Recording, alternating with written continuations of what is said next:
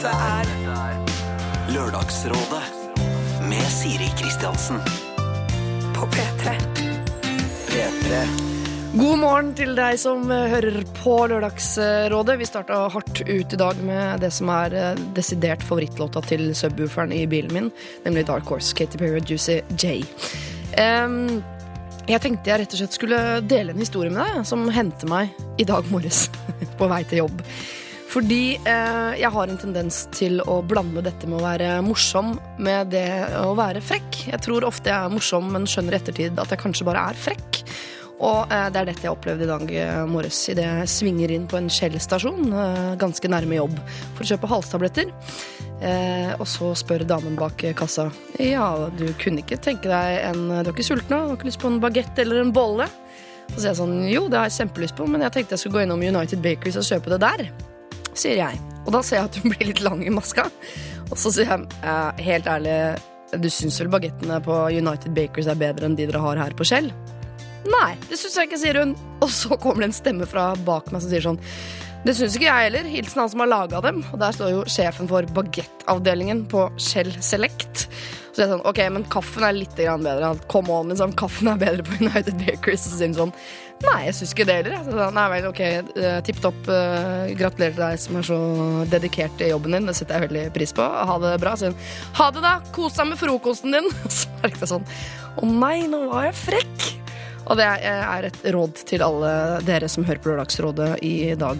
Det, jeg regner med at det er noen av dere som ikke har hørt på oss før i det hele tatt. For dere sitter kanskje i bil, hele familier av gangen, på vei til påskefjellet. Og da vil jeg bare eh, si dette. Hvis du har et snev av meg i deg, eh, som er av typen som tenker at når folk er veldig veldig hyggelige, så er de kanskje egentlig bare litt falske og sånn.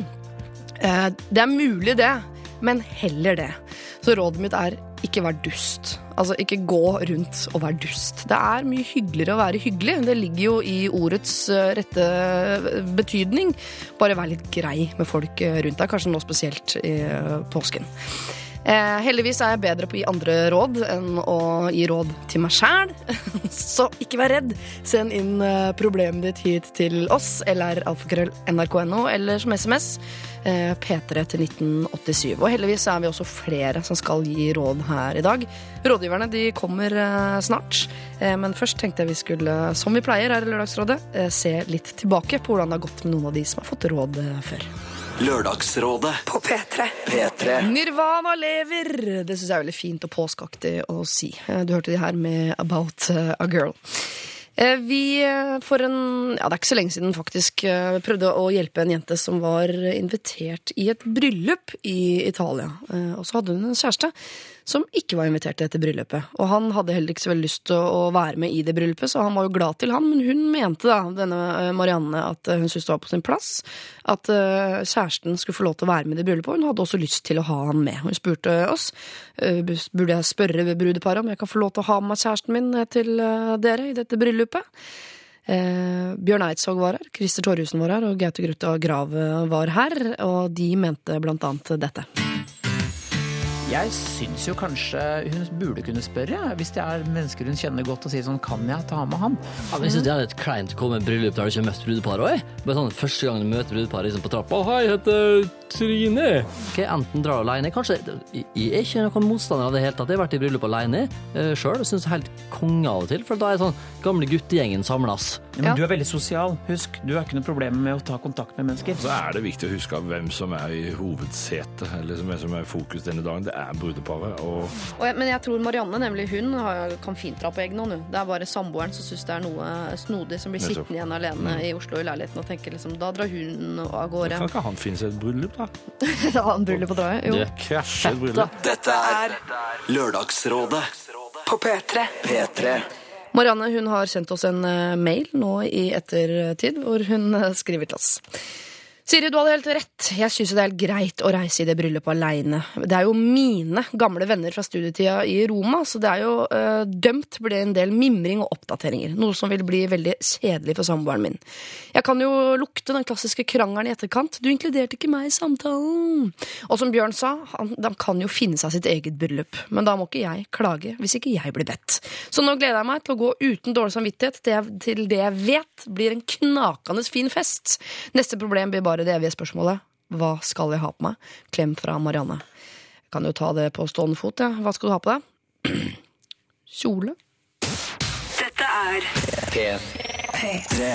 Donkeyboy er uh, dette. Crazy Something Normal. Uh, og før det hørte vi Calvin Harris og hans uh, Summer. Rådgiverne er på plass i Lørdagsrådet. Jeg sitter her sammen med to av Norges vakreste kvinner. altså Line Verndal og Synnøve Skarbø. Eh, og så er det deg, meg, Lars Berrum, Ja. på toppen av det hele. Ja. Eh, god morgen, alle tre. God morgen. Um, er det, har dere noen planer i påska? tenkte jeg å spørre om. Er det ikke det folk snakker om for tiden? da? Vi er jo i inngangen til det. Jeg skal gjøre regnskap. Hele påska? Ja, nei, jeg tror kanskje tre dager holder. Tre dager regnskap. Ja, ja. Er det selvangivelsetid Ja, for det er- eh, ja. selvstendig næringsdrivende? Ja. Ja. Det er litt sent kanskje, men eh, jeg tror jeg har fått eh, utsettelse. Så um, mm. Er ikke det innlevering i juni eller noe sånt? jo, det er kanskje 31. mai er fristen. Ja, ja, dere kan det. Ja. Nei, nei, jeg tenkte jeg bare skulle gjøre noe, så regner jeg med at det Nei, går bra. ikke for levering av sjølangivelsen. Det er noe. Men man kan betale i oktober, kan Ja, man ja. ikke? Ja. Det er bra. Det merker jeg at det var veldig bra å få bekrefta nå. Ja, for det ryktet på byen er at du har fått baksmell, eh, Lars. Ja, jeg, eller ja, jeg har jo Jeg vet ikke om det er baksmell, for jeg har ikke, fristen har jo ikke vært ennå. Nei. For det er i oktober, som jeg understreker gang på gang for å eh, få mer motivasjon selv. Men jeg, jeg kommer til å må få tak i en del penger til oktober, da. Så mye kan jeg si. Men det er ikke baksmell har ikke kommet ennå. Nei, men du har brukt opp alle pengene du har tjent. Du har ikke satt av noe til skatt foreløpig, da. Nei, jo, noe. Noe. Men uh, ganske mye for lite, da. Ja. Ja. Ja, Men det kan jo bli Men det ordner, ordner seg. Så du kommer til å dukke opp på uh, Se og Hørs sommerturné i sommer for å hore deg til? For Ja, hvis, jeg, hvis jeg hadde vært interessant for det. Nei, jeg hadde faktisk ikke gjort det. Det er liksom det som jeg sliter litt med nå, at jeg eh, ikke horer meg samtidig som jeg trenger penger. Så jeg sitter egentlig og venter. Snakka litt om det i sted. Venter på luksusfellen. Ja, ok. Ja. Vi får se åssen det går med den horinga når det nærmer seg oktober, eh, Lars. Ja, ja, da dukker det opp på et eller annet. Vi får se, vi får se. ok, Line, du skal gjøre regnskap i, i påsken. Det høres jo ikke så koselig ut. Hva med deg, Synnøve? Du, jeg skal jobbe fram til onsdag, og så skal jeg hjem igjen til Stranda, heimbygda mi. Ja. Mm, har ikke vært der siden desember. Oi. Gleder meg. ja. Ja. Og der er det er moren din sånn som eh, pynter med Til påske, ja. Ja. Med pynt som vi lagde når vi var små. Ja, hun har Ja. det fortsatt, ja. Ja, Doruller og små kyllinger og Ja. gamle egg. Ja. Jeg begynte å få det greiene der i hus nå, vi også. Hente, eh, jeg syns det er vanskelig å hente barn i barnehagen når de i tillegg skal ha med seg stygg pynt hjem. Så da er det sånn at jeg vurderer å la være. Når dattera di på to har lagd eh, kylling. Det er ikke fint. Det er det ikke. Eh, Lars, hva med deg? Jeg skal være hjemme i Oslo Ja. i påsken. Skal gjøre en, en standup-jobb for å få inn eh, litt penger da, til dette skatteproblematikken.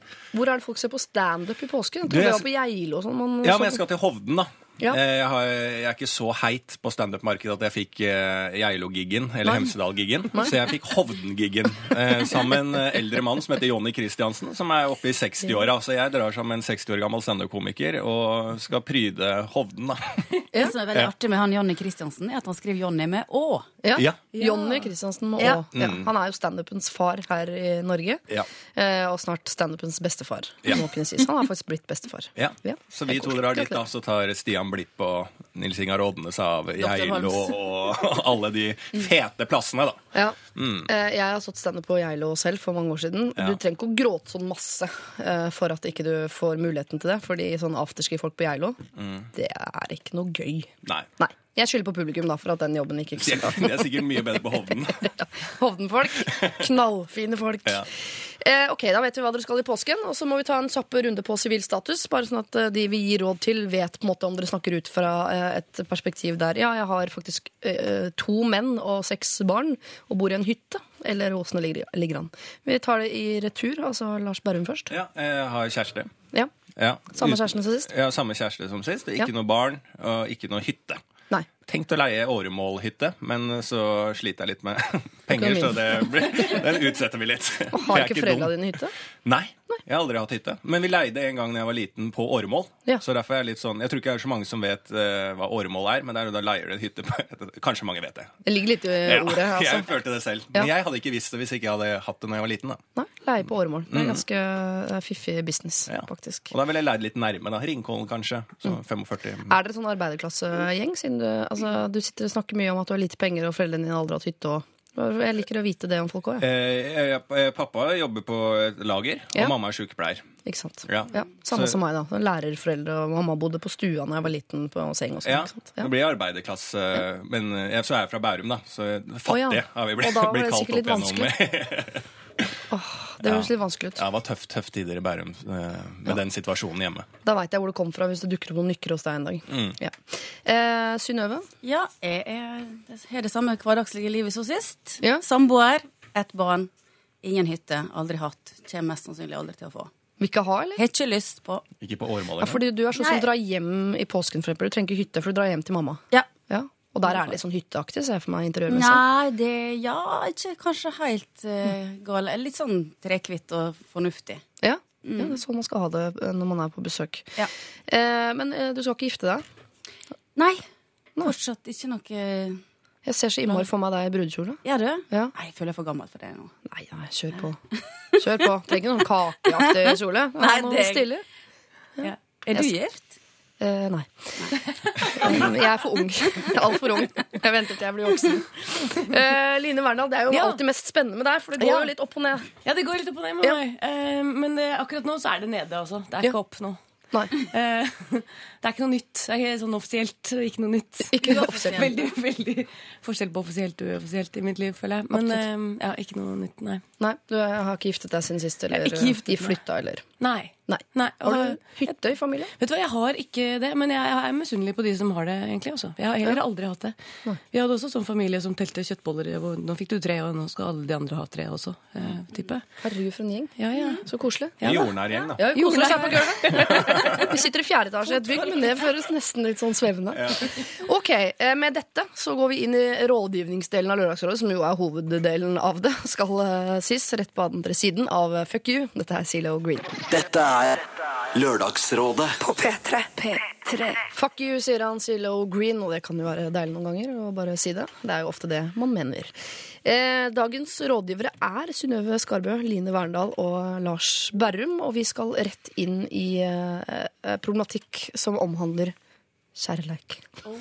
Jeg liker å legge det litt ned. Kjære Lørdagsrådet, jeg er en jente i 20-årene som er inne i militæret og avtjener min førstegangstjeneste. I over et halvt år har jeg vært hemmelig forelsket i en av mine mannlige befal. Koselig, tenker kanskje dere. Søtt, tenker kanskje andre. Helt grusomt, tenker jeg. I militæret er det utrolig strenge regler for hvordan forholdet mellom soldat og befal skal være. Ergo, ja, dere skjønner. Min store kjærlighet vil aldri finne sted. Og ja, jeg tør påstå at han er min store kjærlighet. Han er kjekk, smart, snill og alt mulig annet en jente måtte ønske seg. Men han kan aldri bli min. Eller kan han det?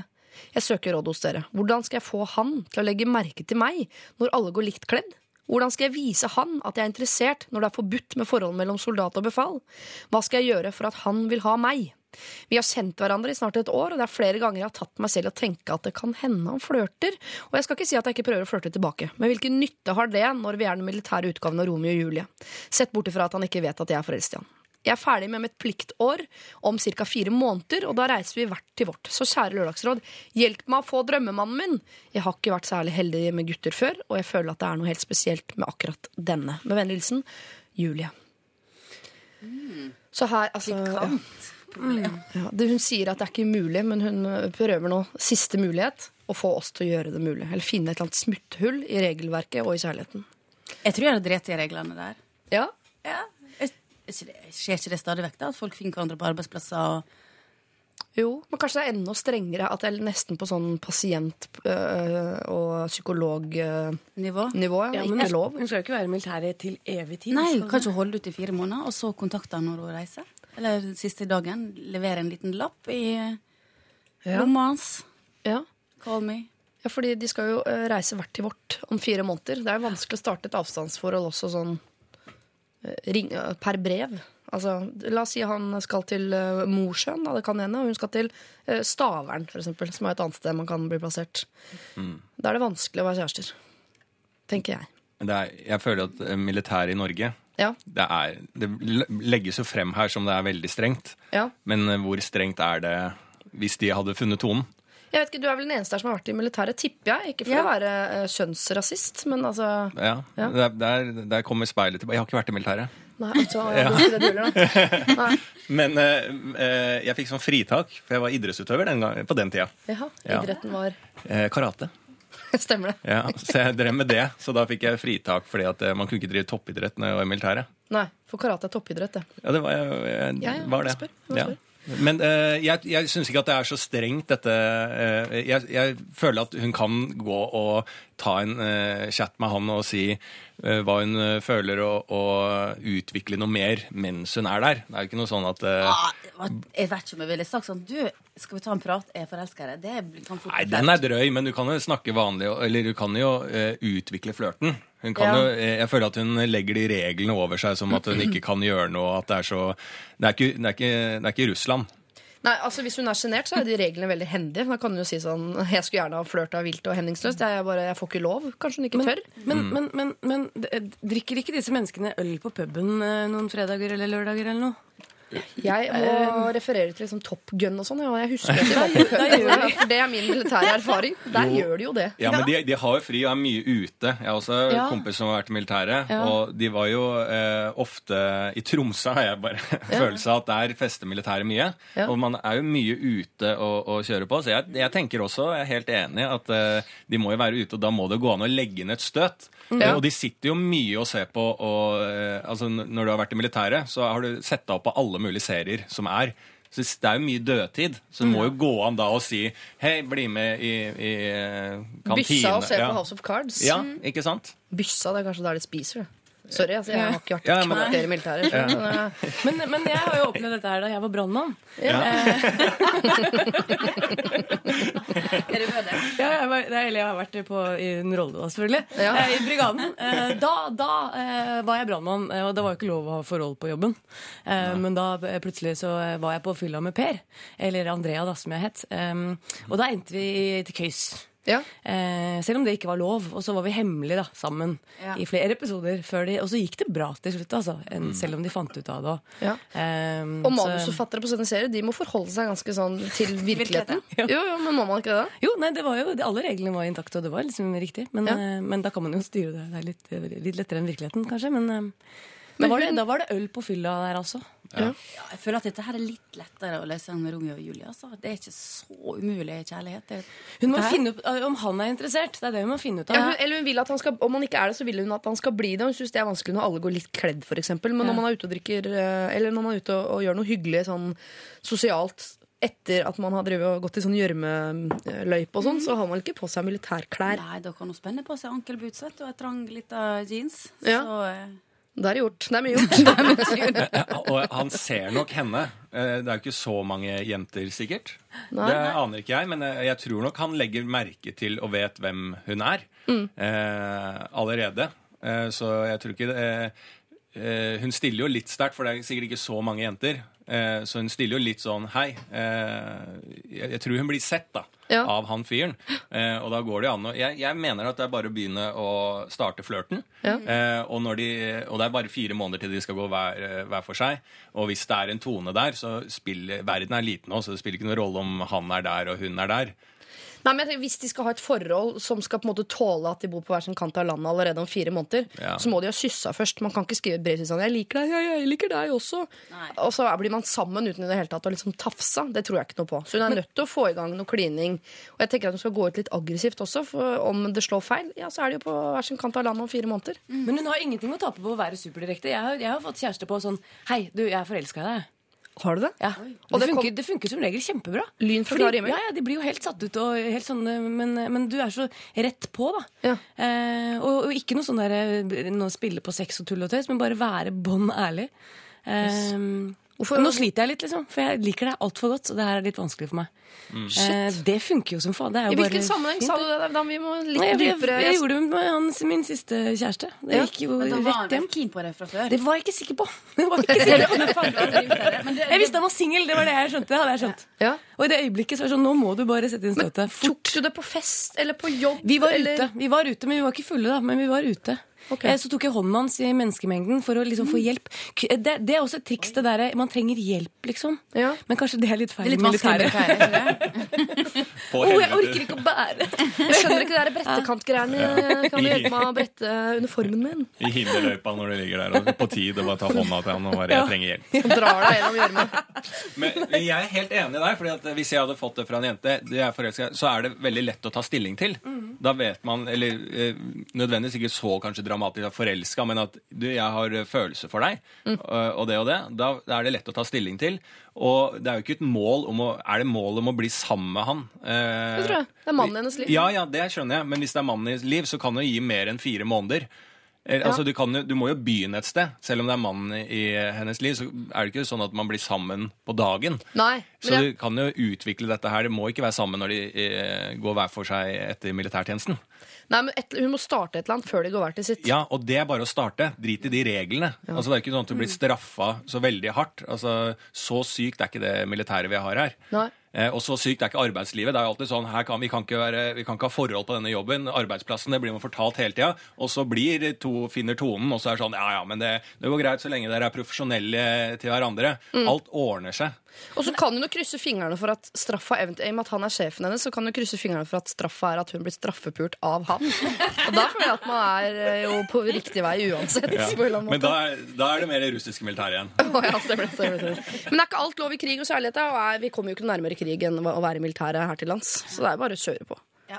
Ja, Hvis ikke så kommer hun til å angre. Hun må gjøre det nå. Det er bare fire måneder å gjøre det på. Og det er en Ja, gyllen mulighet, det er det jeg mener. For det er ikke så mange jenter. Det er liksom sånn, om man er, Du får den der Paradise Hotel-effekten der det alle sier sånn Å, nå er vi så seksuelt frustrert at det bare bygger seg opp. Det bygger seg opp, altså 110% seksuelt frustrert, ikke sant? Ja. Og det er han her nå, så det er en gyllen mulighet for å stikke av med drømmemannen eh, og ha veldig mye tid aleine med denne til å vise kun seg selv. Og tenk så gøy det er å snike rundt og være to som sniker rundt, og man veit det er ikke helt lov. Ja. Og, å, Å, det forbudte er det aller, aller, aller mest spennende. Ja, ja, Det er ikke sikkert Romeo og Julie har vært forelska i hverandre hvis foreldrene sa sånn 'tommel opp', kjør på! Tipper de har ikke likt hverandre engang. Ok, eh, kjære Julie. Eh, drit i reglene. Herregud, alt er lov i krig og kjærlighet. Kjør på! Du må ta hånda hans i menneskemengden når dere er ute blant folk, og fortelle han at du liker han. Så er jeg helt sikker på at han som menneske, eller i sin seksuelle frustrasjon, kommer til å bite på det greiene der. Og da kan dere kose dere begge to i hemmelighet de neste fire månedene, og hvem vet, kanskje blir dere. Dette er P3. Big Bang var det der. Fly like a butterfly, sting like a bee. Og så hørte vi Bastille med deres Things We Lost in uh, the Fire. Eh, dagens rådgivere, eller morgenens rådgivere i Lørdagsrådet, er eh, Lars Bærum. Tidligere vernesykehjelpepleier. Jeg, jeg sier ja til Eh, det. Sykepleier, da, hvis det skal være korrekt. Sykepleier. Ferdig utdannet sykepleier. Ja, Ja, Lars Bærum, Nå komiker, TV- og radiofyr. Men fortsatt sykepleier. Alltid sykepleier. Alltid sykepleier i bånn. Ja, jeg, er samme som jeg sier fortsatt at jeg er møbelsnekker, selv om det er vel ganske lenge siden sist jeg snekret Ja. et møbel. Eh, Synnøve Skarbø eh, var hallodame på TV Norge. Nei, hallo, damer. Værdame på TV Norge. ja. ja. Du hadde hallo-damer på Hvem er det jeg blander med da? Hun som gifta seg med kollegaen sin. Nei, på TV Norge. De hadde hallo-damer på TV Norge. Og da var det en sånn blendende vakker dame som giftet seg med en kollega som også var hallomann. Herregud. Hva årstall var dette her? Å, det var i 1970 Nei, altså, det var jo når TV Norge startet opp i sin okay, tid, da. Ja, Ja. det var før min tid, i hvert fall. Ja. Ja. Eh, værdame, nå eh, TV-dame. Ja. Ja. Eh, Line Verndal. Alltid vært skuespiller, kommer alltid til å være skuespiller. Jeg er skuespiller i bånn Ja. og føler at det er det jeg er også. Det er det du er. Ja. Eh, men også medmenneske og mor. Ja, klart. Mest av alt. Mest av alt det. Og først og fremst kvinne. Nei da. Dere, Vi skal ta et eh, problem fra en eh, jente på 29 år. Hun skriver her. Hei, jeg har data en kul og morsom fyr i tre måneder. Slik det kjennes ut, går dette bekjentskapet veien, men ingen av oss haster mot kjærestestatus. I går kjøpte jeg et digert påskeegg med masse kult. Altså øl, spill, godteri osv. Øl? Eh, øl, ja. Mm. Eh, med den hensikt å legge det på trappa hans mens han er på ferie. Jeg tenkte det kunne være kult for, eh, for han å få når han kommer hjem, men så har jeg blitt litt i tvil. Er det kult, eller er det stalkeraktig? Det er veldig typisk med å gi folk små og store oppmerksomheter i hverdagen, så det handler jo litt om å vise den siden av meg også. Jeg tror han hadde likt det, men ville, det vært, ville dere vært happy for det, for eksempel? Betatt og glad jente på 29. Ja, er ikke det kjempekjekt å få, da? Ja, men, ja, jeg også tenkte det med en gang, men det er også sånn typisk hvis han, er, hvis han tenker at det er for tidlig med et påskeegg. Men det er mye rare tre regler. Nei, nei, nei. Ja. Der, eh, mitt svar er eh, ja. Kjør på. Kjør på. Ja. Ja. Det er humoregg. For det er litt sånn øl og spill og, sånn. Følte ikke at det var så mye humor involvert der. Var det det? Jo, men det er Øl, liksom spill sånn og godteri? Ja, eh, det er et jævla svært egg òg. Det begynner jeg å tenke på hvordan få alias. Det har jeg hjemme. Det er ganske svært da, sånn i, for å få plass til et egg, men det er en helt annen sak. Det er jo en greid. Ja. Eh, men det, eh, jeg synes, eh, humoregg i den forstand at det er, eh, det er litt en øl og et spill. Det er ikke bare, det er ikke bare low hearts. Nei. Da begynner man å bli Da hadde jeg Ja, hvis det eh, kosebamse og hjerteforma sjokolade. Helvetes mye low hearts. Da hadde ja. jeg eh, låst den døren. Lukka og låst. Eh, men, har du spist godteri. ja, selvfølgelig. Men eh, hvis når det er øl, og det tyder på at hun har humor, at det er litt sånn Det er ikke, det er ikke så jævla seriøst egg, da. Nei. Jeg tror det går litt på seriøsiteten i innholdet i egget. Men hvor seriøst blir det? Altså, vi, vi må se for oss størrelsen på dette egget. Hvis det er plass til som sier, et helt spill oppi der, og øl. Og godteri. Kan være sånn mini-yatzy, da. Ja, Ja, spill, hva? Spill, eh, ja. Spill er alias. Er, jeg hater brettspill, da. Ja. Så jeg er litt dårlig med å uttale meg om det. Men Ja. eh, alias det er det jeg forbinder med eh, jeg, et brettspill. da. Det er, sånn, det er en svær firkanta boks da, med et spill i. ja. Eh, Yatzy, da sier man ikke at det er lagt et spill oppi, gjør man det? Jo. Jo. Jo, jo, jo. Det er lagt er terninger og et ark, Kan, da. det kan jo være hun er eh, Altså at hun har masse Hun har lagt et helt en Xbox oppi der. Ja, Hvem vet? ja, eller et Xbox-spill. Da, blir det kanskje litt mye. Det blir litt mye, ja. ja. Men er det ingen som tenker at hun skal være litt forsiktig? For vi veit jo ikke hvem han fyren her er. At du kan være, eh, være litt forsiktig med det. Hvis man, vet I det man begynner å gi gaver og sånn, da har man sagt liksom at, at man kommer, jeg vil bli kjæresten din. Tre måneder. Ja, tre måneder, Ja, da, da hun. er tåle, syns jeg. Ja. Ja. Eh, Hvis du ikke vet, hvis ikke han har eh, sagt hvor han bor, da Ja. er det jo stalkeraktig. At eh, det plutselig ligger et egg utafor der, og «Å, hun vet hvor jeg bor. Eh, Ja. Men hvis det men skal være litt sånn eh, Jeg vet i hvert fall Det var en jente som har lagt egget der, var det ikke det sånn? Det er en jente som vil legge egg på trappa hans mens han er Ja, på ferie. ikke sant? Fordi det er mange gutter som er veldig sånn Og Jeg personlig hadde sett på det her som gøy, da. Og syntes at det var kult, og, og likte, det, eh, likte det, da. Ja. Men det er mange gutter som blir veldig sånn stressa av ting. Ja, det er det jeg tenker. Han kan være en sånn gutt som kan bli Ja, stressa og av hvis dette. han er det, så er det, da er det litt eh, eh, kjipt. Men da igjen, innholdet er ikke love hearts, og at det er en øl og litt sånn, det gjør at man ikke blir så stressa. Da er det litt mer eh, kult. Da, da, for da kan man fortelle til gutta eller da faen meg øl der, og da er det mer sånn da, ja, men sånn er folk. Ja, altså, de, man blir helt utrolig stressa. Jeg, jeg kan ikke kjenne meg igjen i det, men eh, folk, eh, venner jeg har, blir Ja. utrolig fort stressa. Bare sånn Å, nei, å, hun, hun sender en sånn type melding. Dette Ja. er jo helt sjukt. Og så sier jeg Men det er jo en, hun kødder litt med en melding til deg. Ja. Eh, og så Det er jo ikke noe vits å bli stressa for det. Jo, jo, men det her er jo psyko- psyko-dame. Så, så jeg bare sånn Ja, eller er stalker-dame, som hun er redd ja, for å bli og- her. Ja, og, så folk kan bli sånn eh, unødvendig stressa, men da er det ikke sikkert at det er en riktig fyr i utgangspunktet heller. Nei, men jeg mener også at man kan, man kan skremme bort fyrer som også er riktige fyrer. Bare fordi de er litt reddere enn andre fyrer. Men det kan være en bra fyr for det. Ja. Fikk jeg sagt det Men er det ordet sånn, hvis, han, hvis han liker henne, så er det kult. Og hvis han ikke er så kjempeinteressert, så er det utrolig kleint. Er det litt sånn? Ja, men Ja. da finner hun i hvert fall ut av det. Ja. Ja, Det pleier man å si. Jeg er ikke helt enig i at det er sånn. Jeg tror man kan skremme bort uh, the one hvis man ikke er eh, Hvis timinga er feil. Da. Men det er tre måneder her. Ja, du Eh, veit litt hva du går til da. Ja. Ja, hvis jeg traff han for første gang for tre måneder siden. Ja, men de er 29 år. ja. Ja. Det er ikke noe å lure på. Gi dette egget, så finner du i hvert fall ut om han er keen eller ei. Blir han glad, så er det hvis hun ikke gir det egget, da, så, ta, så har hun ingenting å miste.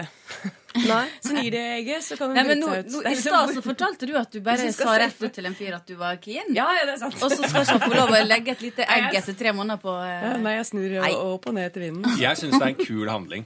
Sånn Men kan personlig. man gjøre det litt mindre ufa... Jeg mener ikke at det er farlig. Jeg liker det også, men jeg bare vet at det er mange gutter som vil synes dette var litt sånn skummelt, kanskje. Kan hun gjøre det mindre skummelt ved å for ha med seg det påskeegget og gi det Jeg skjønner at noe av det artige blir borte, men hun kan vel gi det neste gang hun treffer han. For det er noe, den grunnen til at hun, altså, hun spør er det stalkeraktig. Da har hun tenkt tanken på hun har vært hjemme hos han, han er ikke hjemme. Legger det på trappa. Det ligger på trappa. Altså, jeg hadde tenkt på Kommer naboen til å stjele? Ja, antageligvis det hadde jeg gjort hvis det lå et øh, påskeegg på døramatta til naboen fullt av spill og godteri. Rett hjem til meg. Men øh, øh, jeg, bare- jeg syns hun skal levere det personlig. Nei, det syns jeg er kjedelig. ja, det blir litt flaut. Jo, men da er det litt mer sånn Det er litt som å gi en bamse. Det, Det er fortsatt øl og spill og godteri oppi der. da. Ja, men så skal hun sitte og se på at han liksom blir glad. Det verste som fins, er å måtte åpne på gave mens andre ser på. Ja, det er. Det er så kleint. Og det er mer skremmende ja. at hun kommer med et egg. Du tar det jo med neste gang skal møtes uansett. Da, da har hun lagt planen for kvelden. Da har de et spill de kan spille, en øl han kan drikke, og godteri hun kan spise. Ja, jeg, altså, jeg, jeg føler nå jeg, jeg, jeg kan finne på andre ting, men jeg syns det er en veldig kul handling. Ja, okay. eh, og jeg hadde digga det og fått et sånn type egg. Og jeg Ja. syns det er kult at hun legger det der.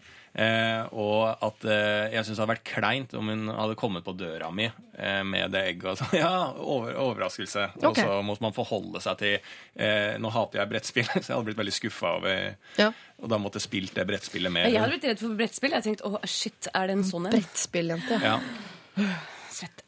Ja. Men hun skriver også Ta at typisk henne å gi små store oppmerksomheter. Det handler om å vise hvem jeg er. Og den setningen liker jeg veldig godt. Ja. Hvis det er deg å gjøre sånne ting, så, så burde du jo vise det med en gang. For da må han jo like det. Hvis han er en fyr som ikke liker gaver, så er han jo gæren, da. Ja, så man kan- må ikke overanalysere så mye. Man må ta litt sånne sjanser. Som vi eh, i sted. Vær direkte, bare si det, og gi det jævla egget, og så får det gå som det går. Men da har du i hvert fall tatt en sjanse. Det er mye morsommere, det. Ja. Eh, enn at eh, det fader ut på andre måter. Det er mye morsommere historie i ettertid. da. Eh, du må huske en gang jeg la et svært påskeegg, og jeg hørte aldri noe fra han siden den gang. Det er en kul story, det minste. Det er noe livet får noe ut av. Men det er så utrolig surt òg hvis det er sånn alt har gått kjempebra, og du legger et egg på døra, og så plutselig så hører du ikke noe mer fra han fyr. Så er det litt sånn Åh, Men vet du hva? det Da er ikke han noe å samle på hvis det skal felle. Nei, det er sant. Det er helt Nei. Ja. Jeg er enig med deg, Synnøve. Altså, hvis han er en fyr som er sånn Å, fy faen. For, jeg trodde den dama var kul, jeg. Men nei da. Hun skulle gi meg øl og spill, hun. En liten dust. Nei, Hvis han ikke liker det, så er den faktisk gæren. Ja. Ja. Og hun er ikke stoker. Det er ikke stokeraktig, det der. Nei. Men jeg skjønner at du, altså, at du stiller spørsmålet. Det må jeg få lov å skyte inn. Det forstår jeg. Betatt og glad jente 29. Eh, Det høres ut som vi er eh, fire av fire er enige her om at hvis ikke han blir glad for øl, spill og godteri et egg på trappa, ja, så er fyren gæren. Så da er det jo eh, fint da, å komme seg litt unna han. Så ta den sjansen, du. Det er nesten en større sjanse å la være, faktisk. P3 Lørdagsrådet. på P3. Sigurd Julius eh, Østavind eh, var det der, årets urørte vinner. Eh, Det har du vel kanskje fått med deg by now. Vi har snakket om kjærlighet vi under denne Østavind-låta. Nærmere bestemt min kjærlighet til min mann. Og blitt, Synnøve, du var veldig nysgjerrig. Ja, jeg syns det var veldig fascinerende historie du hadde å berette. Ja. Ja, jeg skal ikke ta den om igjen. For det, da får du podkaste. Bare ta en random episode av Lørdagsrådet som podkast. Ja. Så vil antakeligvis den historien dukke opp. Jeg elsker å fortelle den. Og Jan kommer til å dukke opp i bryllupet òg. Lokføreren drittlei. Litt lei av den historien. Den blir liksom større og større og mer og mer min nå, ikke sant. Dere vet. Men jeg forteller den eh, så ofte som mulig. Ok, men eh, det skal ikke dreie seg om meg, det skal dreie seg om en som kaller seg for Gollum. Og det er jo aldri positivt. Kjære Lørdagsrådet. Jeg har et problem som jeg tror de fleste jenter sliter med. Nemlig at jeg syns jeg er stygg uten sminke. Med sminke får jeg mange kommentarer om at jeg er pen. Det har jeg alltid fått. Og jeg syns også at jeg er relativt pen. Men dette er altså kun med sminke. Det ironiske er at jeg slett ikke bruker mye sminke, men det er utrolig hvilken forskjell litt concealer og farge på vipper og bryn kan gjøre. Jeg hadde en gang en kjæreste som faktisk ville at jeg skulle sove med sminke. Jeg hørte ikke på han og tok den selvfølgelig av før jeg la meg, sånn som man skal gjøre. Men er jeg virkelig så stygg at ikke engang kjæresten orker å se på det nakne ansiktet mitt?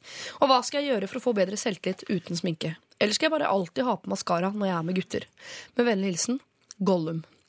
Uh, ja, dette er et veldig jenteproblem, Lars Berrum, så du skal få lov til å tenke litt. Sette deg inn i hvordan det er å være jente et øyeblikk.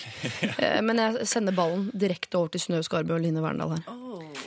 Er hun, har hun veldig veldig lyse vipper og bryn, da, i og med at hun kaller seg for Gollum? Eh, Jeg vet ikke. Det der er skal, da. Ja.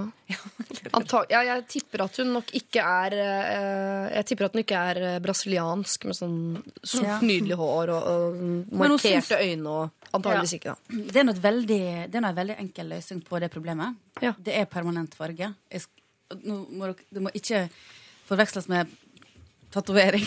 Sminketatovering. Nei, Men det er bare å- å farge vipper og bryn, det. Så trenger ikke du verken sminke det eller føle det ufjølg. Nei. Jeg er enig at det er en veldig sånn praktisk løsning på problemet, men jeg, skal det være sånn? At hun må drive og ha permanent sminke og sånn for at kjæresten skal synes hun er pen også når hun sover? Jeg syns det er helt drøyt. Ja, det... Jeg har jo lyst til å oppsøke han fyren og slå han hardt i nyra. Ja, jeg Kast ut. Herregud. Det er første bud. Men er de fortsatt i lag? Det var nei, nei, vel? nei, det er slutt, ja. Ja, det er slutt. Da, da blir vi ferdig med han. Men hun har jo null selvtillit på eh, at hun er pen uten sminke. Hvor gammel er hun? Det står ikke. Men må man ikke bare øve seg på det? Jeg føler Jo. at jeg har øvd meg på det. Ja. Jeg Å gå ut og, og, og huset uten sminke. Og etter hvert så venner du deg på en måte til at sånn ser jeg ut uten sminke, og det får folk bare tåle. Ja, tenker masse... Dere skuespillere tror jeg er ekstra flinke på akkurat det. Og ikke ha på sminke. Ja, Eller, jeg blir så lei. Vi er så Ja. utrolig lei av sminke. Ja, og at det lærer dere. Det er veldig sånn derre Sånn de skuespillerne jeg, jeg kjenner. Det er veldig sånn liksom man eh, lukter under armene på hverandre, og man er veldig fri, og man eh, promper litt, og alt er glad, og man, man har ikke sminke på, og det er helt greit, og man er veldig sånn frisinna, da. Så Ja. jeg tror man lærer mye gjennom å være Kanskje sånn skuespillerkurs. Ja. For sånne, sånne grupperinger eh, med skuespillere, det er veldig sånn eh, happy, og der er, ser, vi, ser vi personen for den den er. Er ikke det litt riktig? Ja? Jo, det er litt riktig. Og, Ja. vi, og vi, vi kler jo av oss eh, hvor som helst. Hvis du skjønner. Hvis jeg plutselig skulle skifta, så kunne jeg bare gått bort Så glemmer jeg jo at oi, det er kanskje pinlig for andre. Oh, ja. Hvis du skjønner, Man blir litt, for Ja. man er så vant til det. Men det, det handler om at man, man blir vant til det. da. Ja. Jeg var jo ikke så fri da jeg var yngre. Ja, når du var veldig ung, så var du nok det. Veldig ung. Ja. Når du var ekstremt ung, så var du nok det. Men, men Goldum her, da. Hun er, jeg vet ikke om hun er skuespiller. Han kan selvfølgelig ta et skuespillerkurs. eh, men øh, Men hun er nå inne på noe når hun sier 'jeg syns sjøl at jeg er pen'. Ja. med Eh, sminke. Ja, sto ikke det med uten Nei, med. sminke? Ja, med, ja. Relativt pen. Ja. Jeg tror hun da mener med sminke. Men Nei, jeg, Jeg føler at hun har en trygghet i bånn der, som vi må bygge på her. ja. Eh, men er det så farlig om hun har lyst til å ha på seg litt maskara hver dag? Nei, men hun, altså, når hun vasker da på kvelden, som man jo skal gjøre, ifølge bladene, eh, så får hun liksom kommentarer fra Ja, med eksen, og takk og lov, han er ute av bildet. Ja, Men er det han som har fucka henne opp, da? Eh, Kanskje? ja litt, tror jeg. Altså. Ja, han eh, er jo Har ikke gjort ute noe bedre, i hvert fall. Nei. Nei. Men hun har vært utsatt for en utrolig dust fyr. Da. Skikkelig dust fyr. Eh, Som kanskje har fått en hangup etter det. Jeg vet sånn, jeg. Det høres, for gutter kan gjøre sånt med jenter. Det fins ikke gutter der ute også som syns at eh, jenter er finere uten sminke uansett. Fordi de liker det når det er naturlig. det? Ja. Jeg syns jeg alltid hører at gutter sier at jenter er finest naturlig. Ja, det tror jeg. Ja, jeg som, som gutt, da.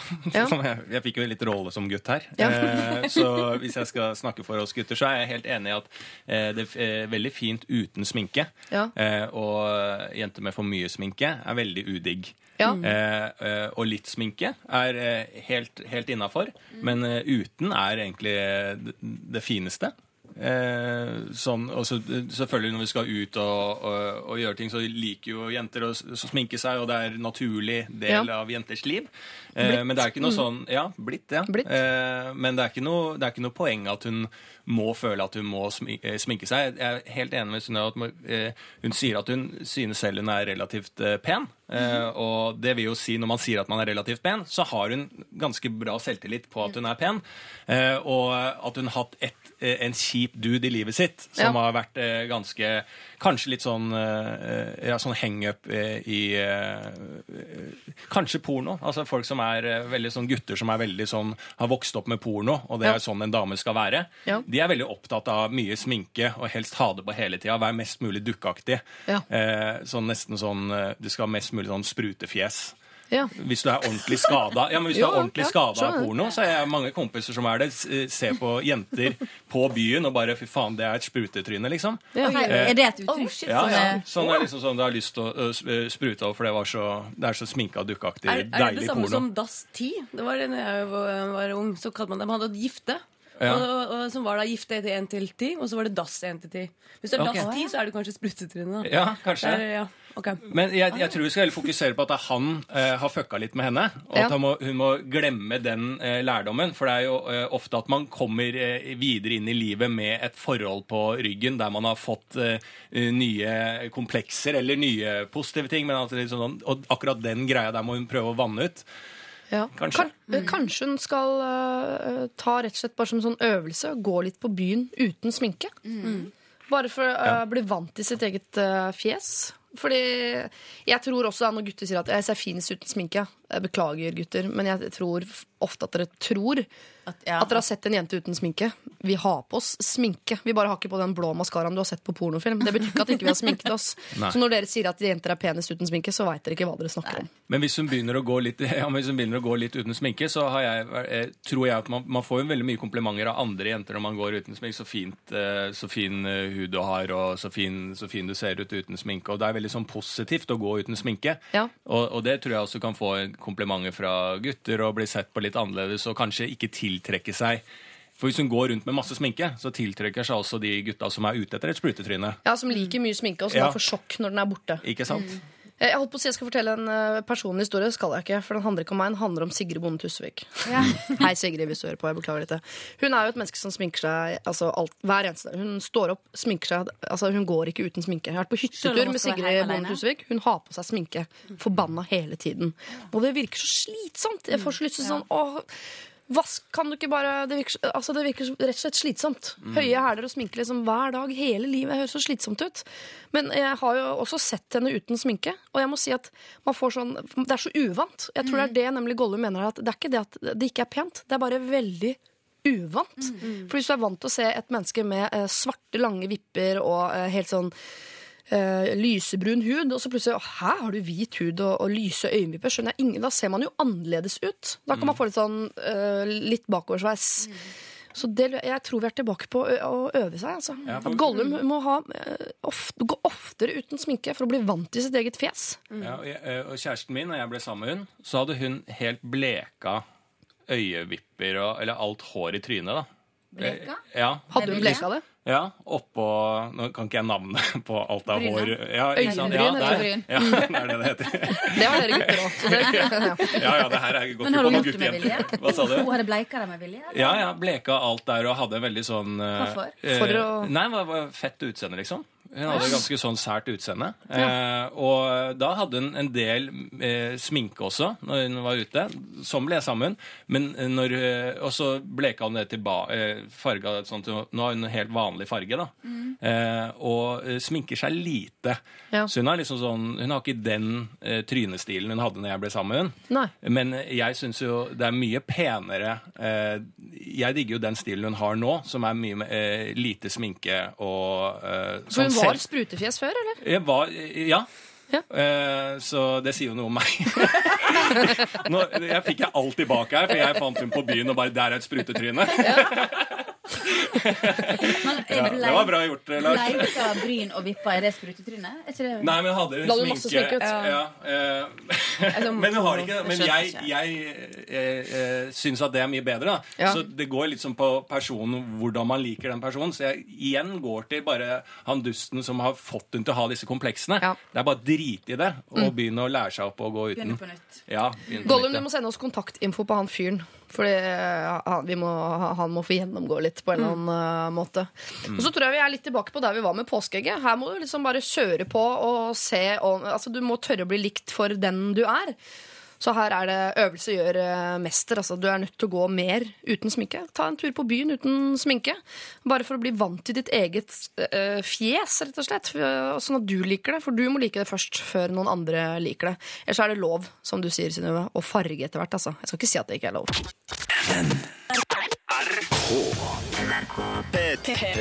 P3. Onkel P sammen med Kave. Det der var eh, Snufs. Og så har vi hørt Kim Keem Cesarian og hans eh, I Love This Life. Eh, hvis du går inn på Facebook nå, det er en nettside, et slags sosialt nettverk.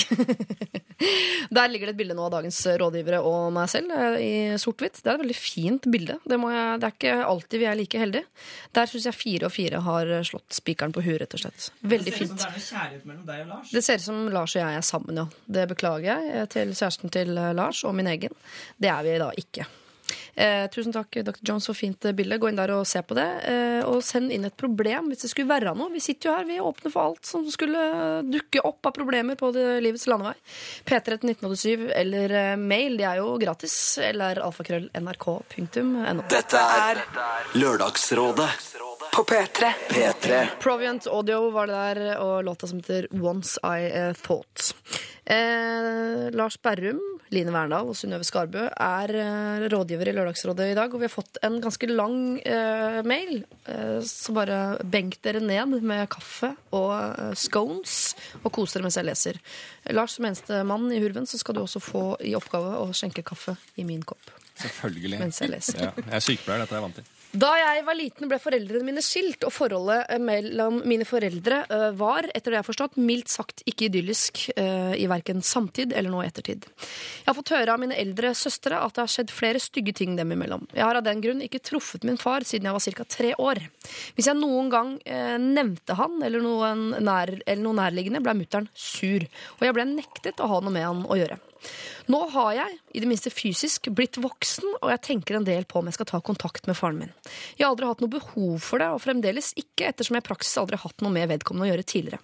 Jeg syns det føles merkelig å forbinde en personlig rolle som far med en eh, person jeg omtrent aldri har møtt før. Likevel har han alltid sendt meg brev i anledning bursdag og jul, men noe lite, men noe lite ekstra vedlagt, så lenge jeg kan huske. Jeg vet at han ønsker å treffe meg, men at det måtte i så fall være på mine egne premisser. Og ja da, vi bor i samme region av mineralklumpen Norge. I tillegg har jeg et par halvsøsken på hans side av familien å bli kjent med. Jeg har ikke hatt kontakt med noen på den siden av familien, slik at det følger også med en del andre på slep. Valget virker kanskje lett, virker som en hyggelig fyr, og hvorfor ikke? Man lever bare én gang. Motargumentet er at moderskipet, altså mora hans, da, avskyr han. Når hun får vite at jeg har eh, kontakt med min far, kommer hun til å bli rasende og føle at han prøver å stjele meg fra henne, som tross alt har født på meg siden jeg var 3,8 kilo, hudklatt med busk på toppen. Det kommer med andre ord til å bli en del oppstyr i den delen av familien jeg har nå. I tillegg har jeg som nevnt ikke noe som helst behov for å opprette kontakten, men jeg tenker at jeg hadde virkelig ønsket det hadde jeg vært i min fars sko. Men vil vel ikke ha kontakt med sitt eget barn. Hva skal jeg gjøre? Har dere tips til hvordan jeg skal håndtere en eventuelt eventuell gjenforening. Med vennlig hilsen Ja, 80, Jeg velger å ikke si navnet der. Var det gutt eller jente? Dette er en gutt som lurer på om han skal ta kontakt med min far. Og han sier eh, fire-fem ganger i løpet av mailen at han ikke har noe behov for det. Det- Det faller på sin egen urimelighet. i og med at han, altså, Hvorfor skal han i så fall gjøre det da? For å være grei mot han?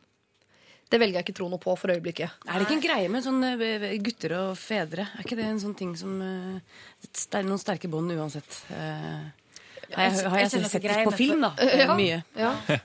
Det er noe greier med foreldre og barn generelt. Ikke bare gutter. Ja. Jeg har hørt at den, altså, det sterkeste båndet er mor-datter. Det er derfor de ofte blir uvenner, for det blir for mye for mennesker å bære at man skal være så tett. Ja. Men jeg får en følelse av at han faktisk har lyst til å møte faren sin. jeg. Ja, jeg også, men så har han motsatte. Men jeg syns mora hans skulle få seg en midt på trynet. Ja. Ja. Du kan ikke liksom bli dritforbanna Nei. sønnen din har lyst til å møte faren sin. For jeg er født på deg siden du var liten. Det går jo ikke an. Nei. Det, det handler jo ikke om henne, det her. Det handler om han. Og denne midt på trynet kan jo nettopp være å treffe faren sin. Og det vil jo Ja. føles Ja. som en midt på trynet for Ja. henne. Ja, men hvis de gjør det, så Ja, fortjener hun det. ja, hun om det. Ja. Jeg syns dette her Jeg syns han skal oppsøke henne. Men hvis han gjør det, hvis, det, hvis vi sier at det er sant det der med at han ikke har noe behov for det, så hvis han tar kontakt, så blir det eh, mot sin mors vilje, og det er i tillegg bare for å være grei mot far. Skal han da fortsatt gjøre det? Har Hvis han ikke har lyst, så skal ikke han gjøre det. Nei. Han har lyst, men han har ikke noe behov. Hva betyr Sliter det? jeg sliter litt med å skille de to. Ja. jeg helt ærlig. Jeg helte litt kaffe, så jeg fikk ikke med meg hele Nei. historien. Men, det er en det- gutt som Nei, ting på en ikke gang, helt, men det er, ja, det er det. Det er helt enig. Eh, men, men eh, er det eh, hvor, hvor var faren i tidlig Han har ikke sett faren på lenge? Var det Ikke siden han var tre år. Ikke sant? Han mor, altså Moren har nektet kontakt. Okay. Men faren har jo holdt kontakten ved å faktisk da sende brev. okay, Og gaver. det. Ja, da er jeg med. Eh, jeg syns, jeg, jeg syns at han skal gjøre det hvis eh, han selv har behov for det. Man sier han ikke har det. Ja, ja, men eh, som vi var litt inne på, så kan men det han hende har at han det. har et lite behov. Han har jo det. Et nysgjerrighetsbehov. Da. I, i, Kanskje ikke et behov for å, å eh, ha sitt liv Hvis du tenker på et behov for å leve eh, videre i livet, så har han kanskje ikke det behov for å treffe sin far, men for nysgjerrighetens skyld og samtalens skyld, så kanskje Ja. han har et lite, at det hadde vært eh, hyggelig. Og da bare det gjør eh, nok til at eh, han kan oppsøke faren sin, syns jeg. Men han har jo uh, søsken også. Ja. Faren har fått nye barn. Han har jo en, en søster og brødre der ute. Det må jo Ja. være tipp topp å bli kjent med de. Hvor, hvor gammel var han? Står det det? Han var, altså Når faren forlot, var han tre. Men ja, hvor gammel nå- han er nå? Han er født ja. i 89. Ok. Så han er da 11 år yngre enn meg. 26. 20, ja. Ja. Tre- 24, To da. år yngre. Ja. Ja. For, det, 20 år. for det kan hende han er i den alderen hvor sånn, jeg har ikke noe behov for eh, Ja, jeg har det superbra livet mitt. Jeg har ikke noe behov for eh, ikke sant? Det er sånn man tenker når man er kul da, eller litt Ja. sånn ung. da. Eh, men etter hvert som man blir litt eldre, og får barn selv, og sånn, så har man jo, skjønner man jo at man har faktisk et slags behov for å ha kontakt, eller i hvert fall møte faren sin. Og vite hvor man kommer fra, og hvorfor det som skjedde, skjedde. Og du kommer jo til å få behov. Det, det, det, ja, jeg sier go for it. Ja, men jeg bare tenker også at far, selv om det har blitt slutt mellom mor og far når han var tre, og mor har nektet, så tenker jeg at en, en far, hvis han uh, burde være sterkere og Ja, jeg altså, synes kreve å ha kontakt med barna sine. Jeg syns han litt lett har bare Å nei, jeg får ikke lov av mora. Ok, greit. Ja, nei, ha Men sånn, det, jeg ser ikke det hele tida med mannfolk. Jeg føler at jeg hører sånne historier hele tida. Om foreldre som skilles, og at mora blir sittende igjen med ungene, og at faren forsvinner. Ja. Far- et brev, send julegaver, tror at det er nok. Ja, men det kan jo hende Herregud, det kan være mye sånn skyldfølelse hvis han var utro. da Hvis hun er så forbanna på han, hun moren, så må det ha vært et eller annet som skjedde som ikke Det har skjedd stygge ting dem imellom. Ja, det virker ja, som men det han skjer vet hva som har skjedd. Nei. Nei, Det tror jeg også er viktig. At Ja. eh, Han må få vite eh, Han er voksen nok til å få vite av mora hva er det som har skjedd. Eh, For ellers er det jo jævlig vanskelig å for Mora kan ikke kreve at han ikke tar kontakt med faren sin. Eh, Hvis han ikke eh, engang vet hva som har skjedd. Men hvis mora forteller hva som har skjedd, eh, og at det er ganske grusomt, så kan jo det være lettere for denne gutten å si å ja, han har vært en så, såpass stor drittsekk og gjort det mot deg, og den, da ønsker ikke jeg kontakt med han.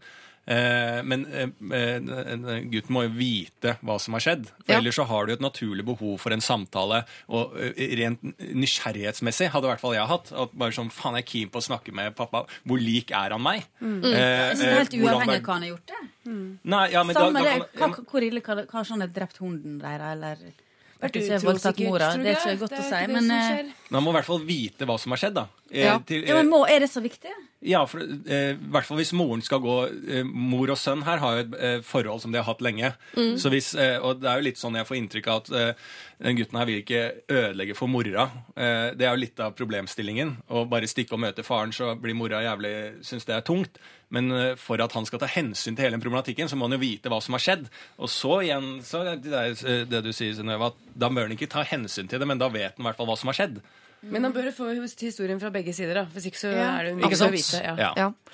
Jeg tror det er en lur ende å begynne å finne ut av hva det var som skjedde den gangen når han var tre år. Fordi her, jeg syns ikke Egentlig skal han ikke ta hensyn til noen. Han skal ikke ta hensyn til far sånn oh, det hadde sikkert vært godt for han å ha kontakt med meg, så derfor skal jeg. Fordi jeg kan, jeg kan kjenne meg veldig godt igjen i dette å ikke ha behov for å ha kontakt med sin far. Jeg har også en far der ute et eller annet sted som har behov for å ha kontakt med meg. Det har ikke jeg. Jeg har klart meg helt fint. Jeg er liksom 36 år. Jeg har ikke behov for en pappa. Så eh, eh, da skal ikke jeg please han for at han vil ha kontakt med meg. Og det syns jeg heller ikke her, eh, denne gutt født 70, nei, 89, at han skal ta kontakt med faren sin for å være grei mot faren. Hvis han ikke har behov for å ha faren i sitt liv, vet du hva, så har du muligheten til å velge han bort. Men jeg syns heller ikke han skal ta hensyn til mor, som sitter og sier at ikke hun vil at han skal ha kontakt med faren sin. Fordi det er et eller annet som er, antageligvis noe som har skjedd mellom dem, og det har ikke noe med han å gjøre. Så han må bare, jeg synes han må finne ut liksom, hva er det han trenger, og da må han vite hva som skjedde når han var tre år. Hvis han trenger å ha kontakt med faren sin, så tar han kontakt med faren sin. Hvis ikke, men da skal ikke det være basert på hva mor syns, så skal han ikke det. Og det og må ikke være sammen med faren da hver dag. Eller uh, etablere et forhold som er helt uh, sykt, og som uh, at det er slå hverandre i skulderen og være far-sønn på sitt beste, på en Nei, måte, nei, nei, som er når du slår hverandre i skulderen. Men du, du kan si hei og ha en samtale som kan være en fin en start og en avsluttende på det forholdet. Må ikke snakke noe mer med han. Og så synes jeg, jeg mener jo at som barn så har man, da har man liksom alt på sin side. Da kan man nesten gjøre hva man vil. Hvis det, det, var foreldrene drømmer med, det får de finne ut av på egen hånd. Så hvis han har lyst til å ha kontakt med bare søsknene sine, ja, syns jeg han kan ha det. Det han. Gå rett til bror, søster, og si hallo, vi er av samme kjøtt og blod. Skal vi stikke på fisketur? Slå hverandre i skulderen, osv. ah, hva skal vi si til eh, denne gutten? 89. Snakk med moren din. Finn Ja. ut hva som har skjedd. Men han vil jo vite hvis han skal få historien fra begge sider. Møt far din. Ja. Møt han. Møte far, men også snakke med mor. Ta det i mor først, rekkefølgen, eller? Jeg hadde gått for det. Ja. Har jo et godt forhold med mor, tilsynelatende. Ja. Snakk med mor. Du, jeg må vite hva som har skjedd, og så kan han ta stilling til om han selv ønsker, øh, å, ha, ønsker å snakke med faren sin. Forslag. I og med at de allerede har brevkontakt Far driver og sender brev.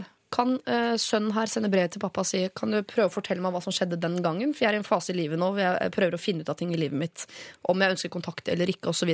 Når han får det brevet, det kommer, lese det sammen med mor og skrive Dette skriver far at har skjedd. Hva er din side av saken? Jeg er nysgjerrig, har lyst til å treffe han. Hva tenker du? Det skumle da, da kan jo mor meie Ja. det brevet uten at pappa kan liksom for- forsvare Ja. seg. Ja. Jeg vet hva, jeg, Nå er jeg helt uenig i dere. her. Jeg syns at eh, han ikke skal begynne å rippe opp i hva som skjedde for 21 år siden. Drit i det. Eh, Tenk på det sjøl. Har du lyst til å ha kontakt med faren din, opphavet ditt, så tar du kontakt. Hvis du ikke har behov for det, sånn som du skriver, legg det på is. Men hvis jeg tar et litt sånn ekstremt eksempel, da, eh, så tar han kontakt med faren. Mm. Og så får mora vite det, og så kommer mora. Vet du hva som har skjedd her? Så sier hun nei, det har du aldri fortalt. Han prøvde å drepe deg. Som barn. Ja, som barn. Eh, altså, Ja, det er jo oi. opplysninger Ja, det var jo ganske drøyt Ja, da, på en lørdagsmorgen. Men altså, for å sette, eh, men sette det litt på spissen, da. Eh, og, altså, det er jo kanskje noen opplysninger du er keen på å ha inn eh, sånn, eh, som kommer opp i ettertid, som bare faen, det burde jeg jo spurt pappa om, når du sier det her om han. Mm. Så det kan jo være noe man ønsker Og jeg tenker også at andre, vi ja. kan ta det i andre enden av skalaen også. At mor sier sånn Nei, vet du hva, han prøvde seg på venninna mi. For sånn, Ja. Dama du Det hensynet kan ikke jeg ta. Det får du snakke med venninnen din om. For det er så, Ja. Ta et glass rødvin og bli ferdig Ja. med det greiene der. Det skal ikke gå utover mitt forhold til pappa. Ja. Så jeg, ja, jeg er uenig med deg. Så jeg syns han burde vite hva som skjedde. Okay. Og- og det kan- Men tror du ikke at den historien har blitt hausa veldig opp i løpet av disse 20 åra? Å, jo. Antageligvis, men altså, da veit man i hvert fall hvilken retning det går. Har han vært slem mot meg, eller er det deg, Ja. eller hva er det? Ja. Altså, ja. Det lukter jo litt fengselsopphold eh, når det er brevkommunikasjon med faren. Eh, når det starta med brev og har forblitt brev, så ikke, ikke la det komme som en bombe, i hvert fall. Nei. tenker jeg er et lite tips. Nei. Eh, Men du kan jo kjenne litt på det selv også. Du, eh, er du en sånn som har behov for å vite hva som skjedde den gangen? Det legger, kan legge litt føringer nemlig for framtida di, denne fortida. Sånn er det jo ofte. Det er en grunn til at vi har historie på skolen. Det er for at ikke vi skal gjenta de feilene der. Um, og snakk med moren din hvis du orker det. Ellers så du har liksom alle valg i hele verden. Du kan velge å gi faen i alt. Gå rett til pappa, eller la være. Gå rett til søsken, eller la være. Du må bare sette deg ned og finne ut av. Være helt ærlig med deg selv. Trenger ikke å være ærlig med oss i Lørdagsrådet, men med deg selv. På hvilke behov du har. Og så agerer du deretter. P3. Mikael Paskalev var det, og låta I Spy. Eh, Du hører på Lørdagsrådet med i dag Line Verndal, Synnøve Skarbø og Lars Berrum. Du ser litt trøtt ut, Lars. Nå? Ja, ja, Har du en liten downer? Nei, jeg kanskje møtt litt veggen nå. Ja. Men eh, det var med Ice by My Little Eye. Så Ikke bare- skyld på Mikael Paskarev. Jo, men det, blir, det, det ble et lite øye der, Ja. som ble lite på meg òg. Det pleier å skje sånn rundt 11 så pleier rådgiverne å få en liten sånn dupp. Det, ja, men det er helt, eh, det er hver gang. Det er Dr. Jones, og da får du en liten dupp. Og så plutselig er klokka uh, klokka tolv, skjønner ingen noen ting. Hæ? Har vi stjålet tre timer? Det er den vanligste reaksjonsmønstrene her om bord. Eh, men det er en eh, drøy time igjen med rådgivning, så hvis du har et problem, så send det gjerne inn til oss. Eh, Du sitter kanskje i bil med foreldrene dine, for eksempel, som bare vil høre på Sandra på radio på P4, og sånne type ting, mens du vil høre på P3 og litt kulere musikk. Det er et problem. Send det inn til oss, eller nrk.no, eller SMS, som jo er kidsas språk, P3 1987. Lørdagsrådet På P3. P3 Elsa og Emilie med sin Run, og før det Coldplay og deres eh, Magic. Vi skal eh, sette oss om bord på et nattog, folkens. Og det er jeg glad for, for det er jo noe av det aller beste jeg vet i verden. Line Verndal, du kan ta plass. Uh, Synnøve Skarbø, ta plass. Og uh, Lars Bærum, ta også plass. Vi fyller jo en sånn firergruppe. Det er perfekt. Ja. Ok, mailens er som følger. Du skal på nattoget. Vogna er rimelig full, og på setet ditt sover det selvfølgelig en person søtt. Vanligvis vil man kanskje vekke denne personen og bedt vedkommende pelle seg vekk, men man vil jo ikke være til bryderi. Og så er det skummelt å be fremmede pelle seg vekk, pluss at hun, sover, hun som sover der, er dritfin. Hva tenker Lørdagsrådet man skal gjøre for å overkomme denne delikate problemstillingen? Legger til at hvis man må vente på konduktøren og få han til å løse problemet, vil alle i hele vogna tenke at du er skikkelig pyse. Vennlig hilsen Markus fra Hemnes, 25 år, som støter på denne problematikken jevnlig, og som da går av toget og venter på neste i stedet, noe som er dyrt i lengden og gjør at jeg kommer for sent til avtaler stadig vekk. Ok, Markus, 25 år gammel, hva gjør han? Han går av nattoget Og venter, og venter på neste nattog? Det er døgn. Fordi det sitter en jente i På stolen hans og sover. som sover på hans plass. Ja, men Kanskje han tar en av de andre ledige der, da? Eller var det fullt? Eh, Rimelig fullt, står det. Men Ja, eh, det er jo ikke fullt, så det er det rart å gå av toget. Markus, du virker helt gæren. Du må ikke gå av toget. Nei, det virker helt gærent. Jeg tror jeg hadde røska i vekk da. jeg, Altså. Jeg ville ha plass, ville hatt plassen min. I hvert fall hvis det var Ja, hvis hun vil ha kontakt med henne, så må hun i hvert fall vekk. Ja. Hun er dritfin, men hun sover. Da får du ikke noe glede av det. stort. Men jeg, dette, det er et litt rart problem. Jeg skal være enig i det. Men jeg skjønner problemet hvis man setter inn Dette er sånn typisk sånn Noen sitter i setet ditt på, i kinosalen, f.eks. Mm. Uh, jeg er såpass konfliktsky da at jeg, vil- jeg syns det er vanskelig å si fra om det. Unnskyld, du sitter i setet mitt. Å vekke en fremmed person? Mm. Helst ikke. For å si det slik, Jeg har satt meg veldig mange ganger på feil plass og lata som jeg har sovet. Oh, ja. I håp om å bare få eh, ligge er der. det er deg han har sett. Ja. Kanskje det var meg. Ja, det var det. Hemnes, er det på vei hjem til uh, deg? Nei, Nei, det ser jeg. Altså. Kunne jo hende. Nei, Hva gjør man da? ta et annet sete, eller vekk henne. Ikke vent et døgn. Men det, hvis det er ledig i samme bås rundt henne, da, så ligger jo an til å, å ha mulighetene for en ganske breial eh, kjekking, da. Ja. Eh, fordi at da kan du sette deg ved siden av henne. Eh, og når konduktøren kommer for å hente billetten din, så kan du lage litt mye litt sånn lyd. At det er egentlig min plass, men jeg satt meg her fordi hun sover. Sånn at du får snakka høyt nok. Ja, til konduktøren. ja. Uh, ja, det nei, billet uh, Det er jo Det er ikke konduktøren. kon- Det er konduktøren, ja. Uh, han som kjører toget, heter lokfører. Ja, ikke sant? Det er sånn det er. Beklager. Det -hmm. Det var jo går veldig nært. Ikke gjør det igjen, bare. Men for da å lage litt sånn tydelig kommunikasjon, sånn at hun våkner idet du driver og forteller at du ville ikke ta noe bry, fordi hun sov så søtt. Så jeg satt meg bare på plassen ved siden av og håper det går bra. Hvis du får hun til å våkne idet du sier disse linjene, så har du en ganske fin inngang på å si hei, og eh, hun er våken, og dere må bytte kanskje litt plass, og hun sier da garantert 'Å, beklager, Ja. jeg sitter jo der'. Og da har du, hvis dette her er et nattog man tar ofte, så kanskje hun tar det eh, flere ganger, at man treffer hverandre igjen. Og da har du en ganske romantisk og fin, eh, ganske sånn gentleman-åpning. Eh, Denne filmen har jeg sett med Ethan Hawke. ikke sant? Har dere ikke sett den? Nei. Nei. Ganske fin. Eh, men eh, jeg, jeg liker tanken på at du skal si det til eh, konduktøren. Fordi Mm. det verste jeg vet er sånn folk som sier sånn Du sitter i setet mitt. Det gjør ingenting, altså. Men, eh, jeg bare sett meg et annet sted, men du sitter i setet mitt. Og sånn, Ikke det. Det gjør noe. ja, hvis ikke du gjør noe, så la være å si ifra. Ja. For det er noen folk som skal prøve, som egentlig er sånn eh, Ikke sure, men de er indignert. Mm. De, og så prøver de å være uh, blide og sjarmerende. Tenker Sånn, nei, nei, nei, det går ikke. Enten så får du si ifra, eller så får du la være. Ja. Eh, Så er- Markus skal ikke si sånn Du sitter i setet mitt. Unnskyld, du må våkne, du sitter i setet mitt. Gjør ingenting, altså. Mm. Jeg, bare, jeg finner meg et annet sete. Da må man si, da må, da må, da må be noen om å reise seg opp og gå. Ja. I så fall. Jeg vil ikke vekke deg, men du sitter.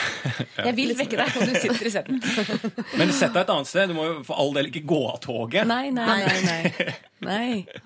Det er det morsomste her, at han uh, velger å gå av toget. For det er kanskje det mest konfliktsky jeg har hørt om i hele mitt liv. Ja. Altså, jeg forlater hele toget, for det er så kleint. Den situasjonen er så klein. Nei, det må du ikke gjøre. Eh, nei, men eh, han legger jo inn på at hun er veldig pen og alt det her. Hver gang. Ja. Så veldig mange pene jenter som tar nattoget da, Ja. hvis det er i setet hans. Ja. Yes. Det er noen som prøver å fortelle han noe her. Jeg ble nesten litt religiøs. nå. ja. Men hvis, hvis han ikke er keen på å sjekke, sjekke henne opp, så bare sett deg et annet sted. Mm. Når det er ledig. Det må jo være sånn eh, det generelle tilbakemeldingen. eh, det tror jeg vi er enige om. Men jeg Sånn. sånn, ikke vekk noen med mindre det ikke finnes noen annen plass. Det Nei, kan for jeg synes det er unødvendig å vekke henne, Ja. med mindre akkurat det setet er noe ekstra deilig. eller et eller annet. Hvis det er et annet sete som tilsvarer det setet, så ikke gidd. Nei. Bare gå Nei. og sett deg et annet sted. Ja. Mm, Men det er litt, det er litt eh, nedtur, og så må, får du et sånn ved midtgangen, eller Ja, men jeg mener, hvis det, er, det rett må være ved do, tilsvarende sete. Hvis du, det Ja, du men- setet du hadde bestilt, var i riktig retning ved vinduet, og så må du sette deg i feil retning mot eh, midtgang, nei.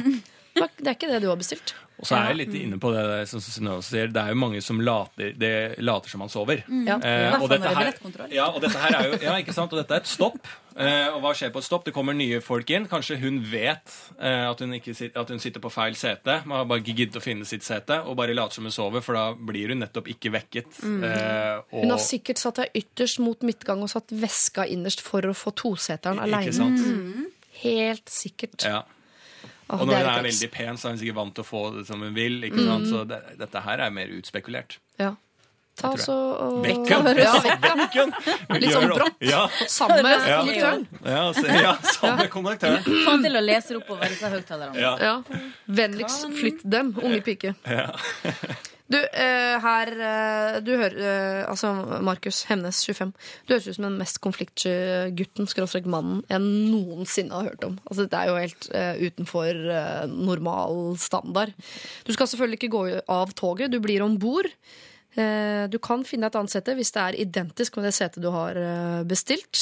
Ellers kan du benytte anledningen til å sette i gang en flørt. Men hvis du aner at hun er en sånn jente som er vant til å få det som hun vil, som bare sitter der med L Magazine og den lille falske Louis Vuitton-veska si, eh, ja, vet du hva, så vekker du henne på en litt sånn, litt sånn irriterende måte. Gjerne sammen med konduktøren. Lager en scene sånn at det blir flaut for hun når hun må eh, raske sammen pikkpakket sitt og gå og sette seg i kvegvogna helt bakerst. eh, eh, ta MMS neste gang. Jeg vil veldig gjerne se det. NRK P3 Nei, jeg vil ikke prate. Det var eh, Bernhoft og hans eh, choices. Da kunne jeg lagd en artig overgang på at det er mitt valg å ikke prate hvis jeg ikke vil. Men jeg lar det være. Eh, Jeg tenkte jeg skulle spørre dere dagens rådgivere om dere noen gang For dette er sånn tema som jeg snakker mye om med folk, og vi skal også dit ganske snart i et problem her. Har dere hatt en kompis, skråstrek venninne da, til deg, Lars, eller kompis, mm. som, har vært, som plutselig viser seg å være forelsket i dere? Ja. Og som man da må liksom si sånn Også bevart Har du bevart vennskapet etterpå da, Line? For eksempel? Nei. Nei? Fortell. Nei, det er, det, er jo, det er jo veldig vanskelig. Eh, Jeg har vel hatt kompiser som jeg har eh, ant kanskje har vært forelsket i meg, men så lenge de ikke har uttalt det, så har det bare vært helt greit. Men hvis det blir uttalt, så må man Da har det, det, har, det har blitt avvikla. Ja. hvis, du ikke er, hvis ikke jeg har vært interessert, da. Mm. For da, da kan man jo ikke drive og henge med dem og holde på, for det, er, det blir feil. Jeg skjønner det hvis liksom, eh, man blir kjent, og så blir man forelska i samme prosess. Men hvis du har en, sånn, en kompis du har kjent lenge, og sånn på et tidspunkt plutselig blir forelsket, kan man ikke da gå tilbake til å være venner? Nei. Nei? Du syns ikke det? Hvor, ja, hvorfor Jeg har kan man ikke ikke fått det? det til, eller man kan jo, men jeg har ikke fått til det. Er det fordi det er kleint? Kleint? eh, Nei, det, det bare er det, er det er bare noe mellom Kjemien oss som er noe annet enn vennskap. Ja. ja. Har du opplevd det, Synnøve? Jeg sitter og tenker jeg tror jaggu meg ikke opplevd det. Jeg er ikke så Nei. Nei, jeg er ganske keen. Så deilig, ja. Hva med deg, Lars? Eh, ja, jeg, men jeg, jeg tror ikke jeg har hatt en veldig sånn god venninne som har uh, ut, Altså, vi har hatt et kjempegodt forhold, uh, vennskapsforhold, og så har det utvikla seg til uh, eh, følelser. Men, men jeg har på en måte blitt kjent med noen, sånn vennskapsmessig. Og så, Trodde du, og så Ja, men Ja. det, altså, hva faen, det er jo sånn alt starter, er det ikke det? Så jeg, jeg føler jeg må si nei. Jeg har ikke hatt det, det du leter etter, har jeg ikke opplevd, tror jeg. Har du? Uh, ja, jeg også det. Jeg måtte sånn, men jeg ville beholde det vedkommende som venn. Og da fikk jeg eh, som råd av en annen kompis igjen at da må du fortelle han masse hemmeligheter. For gutter mister interessen for jenter hvis de vet for mye om dem. Og så må du også snakke mye om andre gutter, sånn at han forstår osv. Gjorde du det? Eh, Ja, jeg prøvde meg på det, og så funka ikke det helt. Så da gjorde jeg det ultimate riktige å gjøre. Bli sammen med bestekompisen.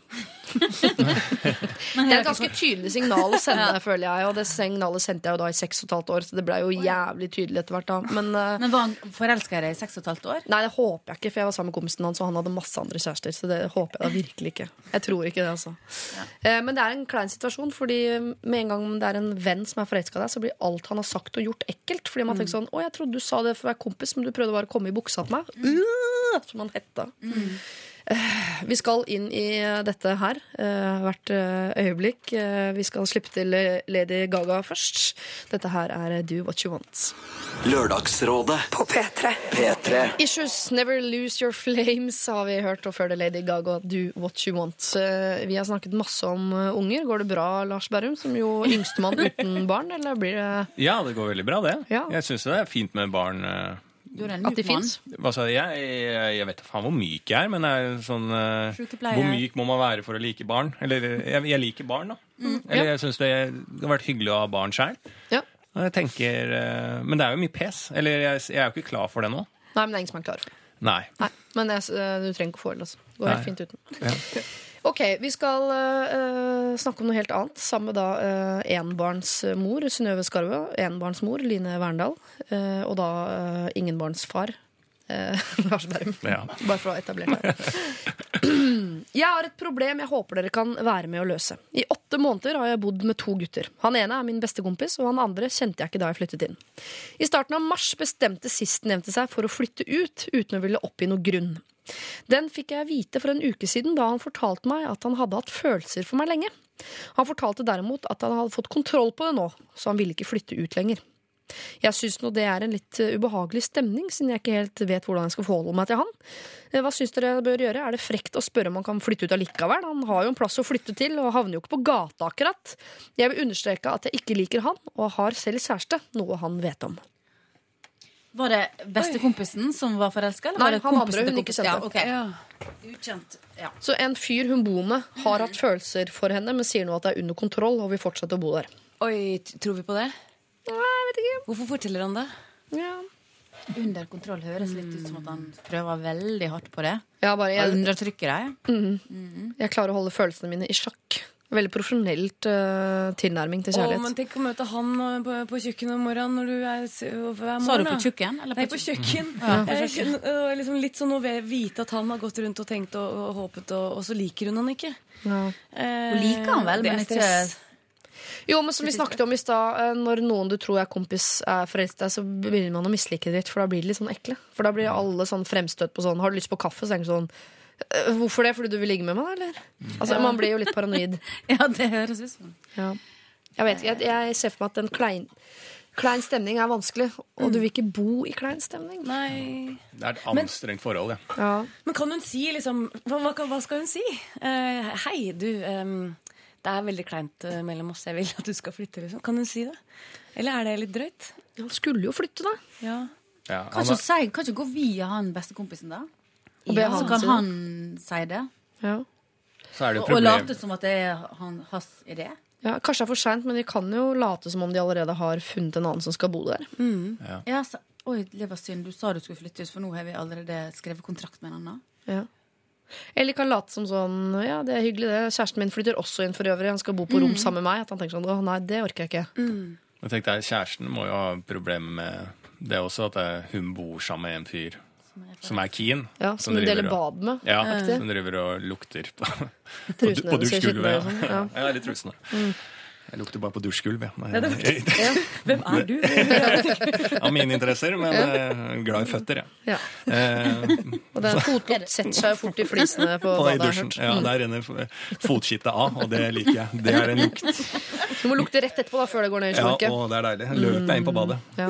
Eh, Men nå er vi sammen, da. Jeg, Eh, nei, men jeg tenker Jeg, jeg, ville, jeg ville ikke akseptert eh, at den For det- bestemmer seg for å flytte ut fordi at du har for mye følelser, og så har du hatt deg en one night stand ute av han fyren der, eller et eller annet sånt, og bare ah, nå er- liksom. Ja, nå er alt greit, liksom.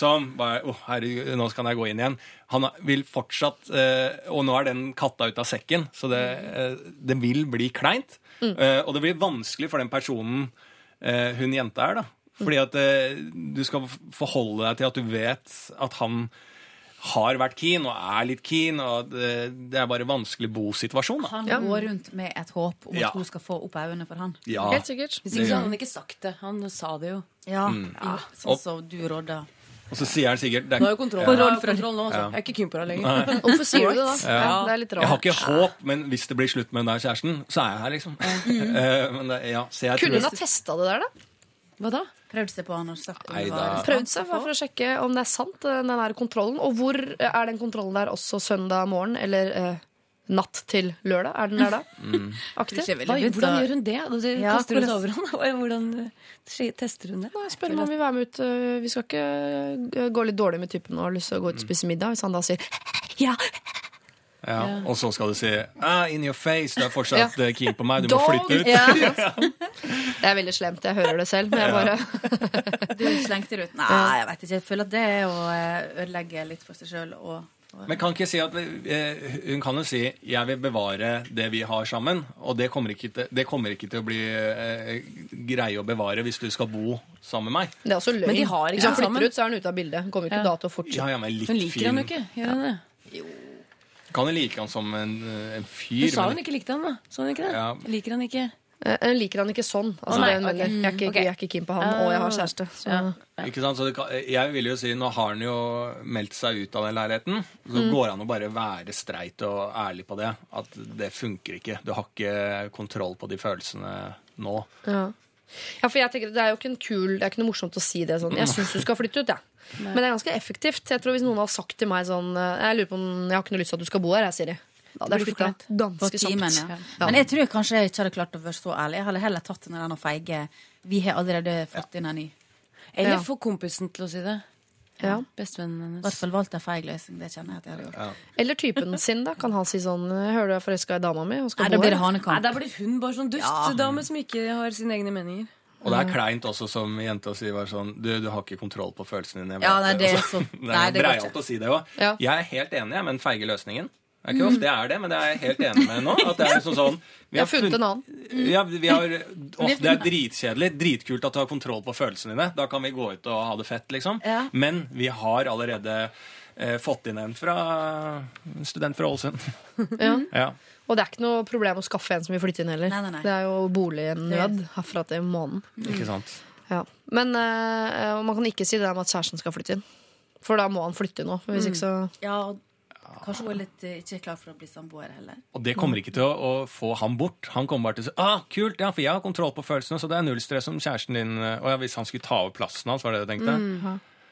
Ja. Men de bor på samme rom, så det rommet er jo fortsatt ledig ja. til han. ja, nei, vet du, Det er jo ikke noe gøy å sitte og be folk uh, ljuge, men jeg lurer på om man skal ta en liten hvit en her. Altså, Si at dere allerede har skaffet en som skal bo der. Kanskje det er for seint å komme med drassene med noe? Ja, Hvis det er for seint, tenker jeg. Hvis det er for seint å ta en sånn hvit løgn, så er det jo eh, ekkelt. Men det er jo et plaster som skal. Det er ekkelt i de sekundene, men ekstremt effektivt å si Vet du, Jeg er ikke komfortabel med at du bor her, så jeg foreslår at du flytter ut. Da kan jeg garantere deg at han flytter. Ja, og du kan, 100 sikkert. du kan legge på, jeg vet ikke om det har vært sagt, men at liksom sånn, og typen min syns Mm. også det er litt sånn ubehagelig, siden du har hatt følelsen. Han er ikke noe sur på deg, men han Mm. det er litt sånn ubehagelig eh, når du har vært litt keen. Ja. Jeg skulle hilse fra typen min, han er ikke her nå, for han skulle på kickboksingtrening og så skulle han ta jegerprøven etterpå. Men han liker i hvert fall ikke at du bor her, da. Eh, Farao er enig med oss. Hun synger her til 'Tell a i Lørdagsrådet. Dette er Er P3. P3. Farao, dette her eh, altså, og hennes eh, 'Tell Alai her i Lørdagsrådet på eh, NRK P3. Vi har fått inn en eh, SMS. Eh, Kodeordet der er jo P3 1987. Det er Hvis det er flere som har lyst til å benytte seg av muligheten. Eh, kort SMS hvor det bare står Hei! Jeg er blitt sammen med en som blir mobbet på skolen. Det er noen av mine venner som mobber henne, og derfor tør jeg ikke å gå ut med at vi er sammen. Hva bør jeg gjøre? Oi Dette er jo da et ganske ungt problem, antageligvis. Altså en av våre yngre lyttere som, som er oppi dette. Dette er, film. Dette er en barnefilm. Den har vi alle sett. Ja. Du må stå opp for eh, kjæresten din. Ja. Ja. Eh, og Hvordan si gjør man det? 'ikke mobb henne'. Hun er kjæresten min. Det er jo hans venner. Eller hennes venner. Vel, gutt, Det er en gutt. Ja, ok. Hans venner. Men eh, tror man ikke at de slutter å mobbe også i det han sier at vi har blitt kjærester? Kanskje begge, do, det, kan- begge to blir mobba? Det kan jo også hende. Det skjer også i film. Jeg Ja. har også sett. Men eh, Men da er det jo-. Ja, ja. Men okay.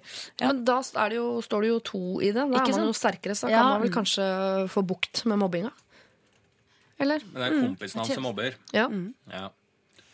Det, eh, han er sikkert litt redd for eh, Kanskje han ikke er den sterkeste eh, ute av sånn mobbemessig eh, i den gjengen i den alderen de er i. Eh, og da er det jo alltid litt sånn Da er det jo vanskelig for han å vite hva skjer med min posisjon eh, og mitt liv idet jeg blir annonserer at jeg er sammen med hun, som er så lite populær, da. Ja. Eh, det er jo tanker han sikkert eh, Det er sikkert der problemet ligger. Ja. Mm. Men jeg er jo helt enig i at man må stå opp for kjæresten sin. Og, men det spørs litt hvor ung du er, så er jo det litt mer sånn Litt mer vagt, det der å stå opp for eh, eh, kjæresten. Eh, Men jeg syns allikevel at det er jo bare å, å si det til eh, de kompisene, og så vil jo jeg tro at det ikke blir så jævla eh, svært problem. Men står du ikke opp for kjæresten din i det du sier at det er kjæresten din? Jo, du gjør jo ja, du det. trenger ikke å si 'ikke mobb Du. Trenger ikke å legge til det. det. Nei, Du trenger ikke å gå inn i en sånn politisk kamp Nei. på skolen. Nei. 'Jeg har fått meg kjæreste, og det er Ja. Kristine. mm. for eksempel. For jeg bare, jeg, altså, det er begynner å bli noen år siden, men jeg husker jo hvor ekstremt viktig det var å få innpass i gjengen, eh, henge med de riktige folka. Og man, jeg, før, jeg ble jo forelsket i gutter nærmest på bestilling fra eh, altså, sånn, Hvem er det riktig å være forelsket i nå? Og derfor så var alle forelsket i den samme. Og, nei, men jeg husker jo også at jeg har en tendens til å eh, bli forelsket i ganske motsatt av det den gemene hop blir forelsket i. Men det er ikke så lett å bare å si det høyt. For Hvis alle er forelska i Knut, og da sier sånn, jeg er forelska i kompisen til Knut, ja, han som heter Lars. Og unnskyld, det var tilfeldig. Ja. Ja. Det var ikke deg, Lars Nei, Bærum. Kjente ikke deg da. Um, det, og det er ikke noe gøy å si høyt til vennene sine. Hvis alle liksom er enige om at det er Knut som er the hot shit for tiden, så er det ikke noe gøy å gå ut med at man er forelsket i Lars. Nei. Men det er jo nettopp Det er jo det, er jo det man det. det, Husker jeg- Men man skjønner det ikke før etterpå. Nei, for jeg husker også at jeg var livredd for å ramle utenfor og bli mobba selv. Jeg husker den der kampen om å holde seg inne med de riktige folka. Ja. Men nå er han forelska. Han er forelsket. Vår SMS-venn. Ja. Han er forelska, og han har valgt det riktig Ja. å se. Så han skal bare si at han har fått seg kjæreste. For Så jeg- vil dette løse seg sjøl, tror jeg. Ja. For jeg tror nemlig han eh, kan liksom eh, vinne hele greia og fremstå som den eh, beste fyren.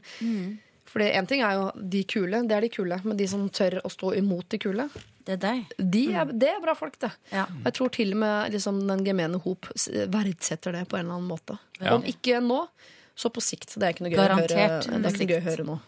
Men eh, ja, og jeg tror også Man må også huske på eh, når man var yngre, at når de eh, Altså, det kunne gå en jente som del, delvis var mobba, eller i hvert fall ikke var noe sånn Gjorde noe ut av seg. Helt til hun ble sammen med en av de en kul gjeng.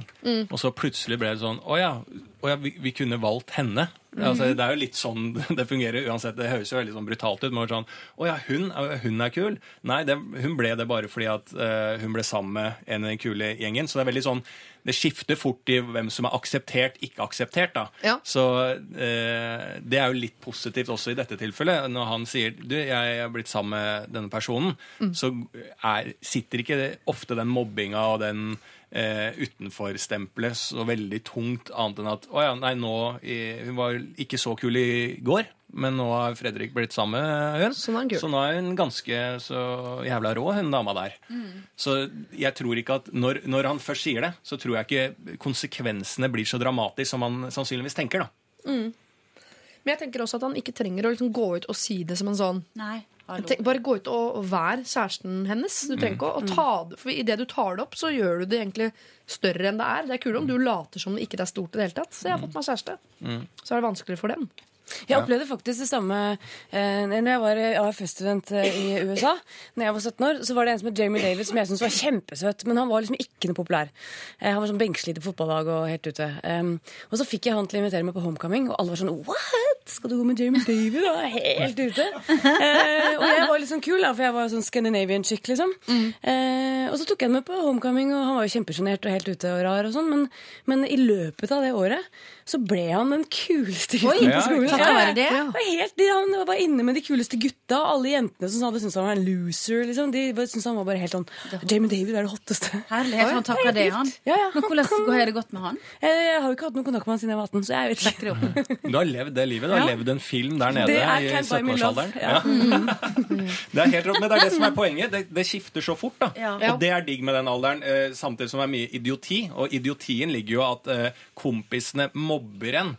Altså, Ja. det, er jo først, altså, det er jo bare dust, og det vil jo få eh, eh, Tiden kommer jo fort i trynet på de folka her til å finne ut at det er ganske dust, og det er noe man angrer på. Senest mm. nå nylig så snakka jeg med en kompis, for jeg var veldig sånn brutal klasse når jeg gikk på videregående. Ja. Eh, og vi satt og vi, vi skulle snakke, eh, Lenge siden jeg hadde truffet ham på bussen. Og så snakker vi om tiden på videregående. Jeg var helt idioter. Og vi ble faktisk eh, Og det, det er jo fort gjort at man liksom ler av den tida og alt sånn. Men vi var så, så flaue at Ja. vi greide nesten ikke å snakke om den tida, for vi gjorde så mye dust. da.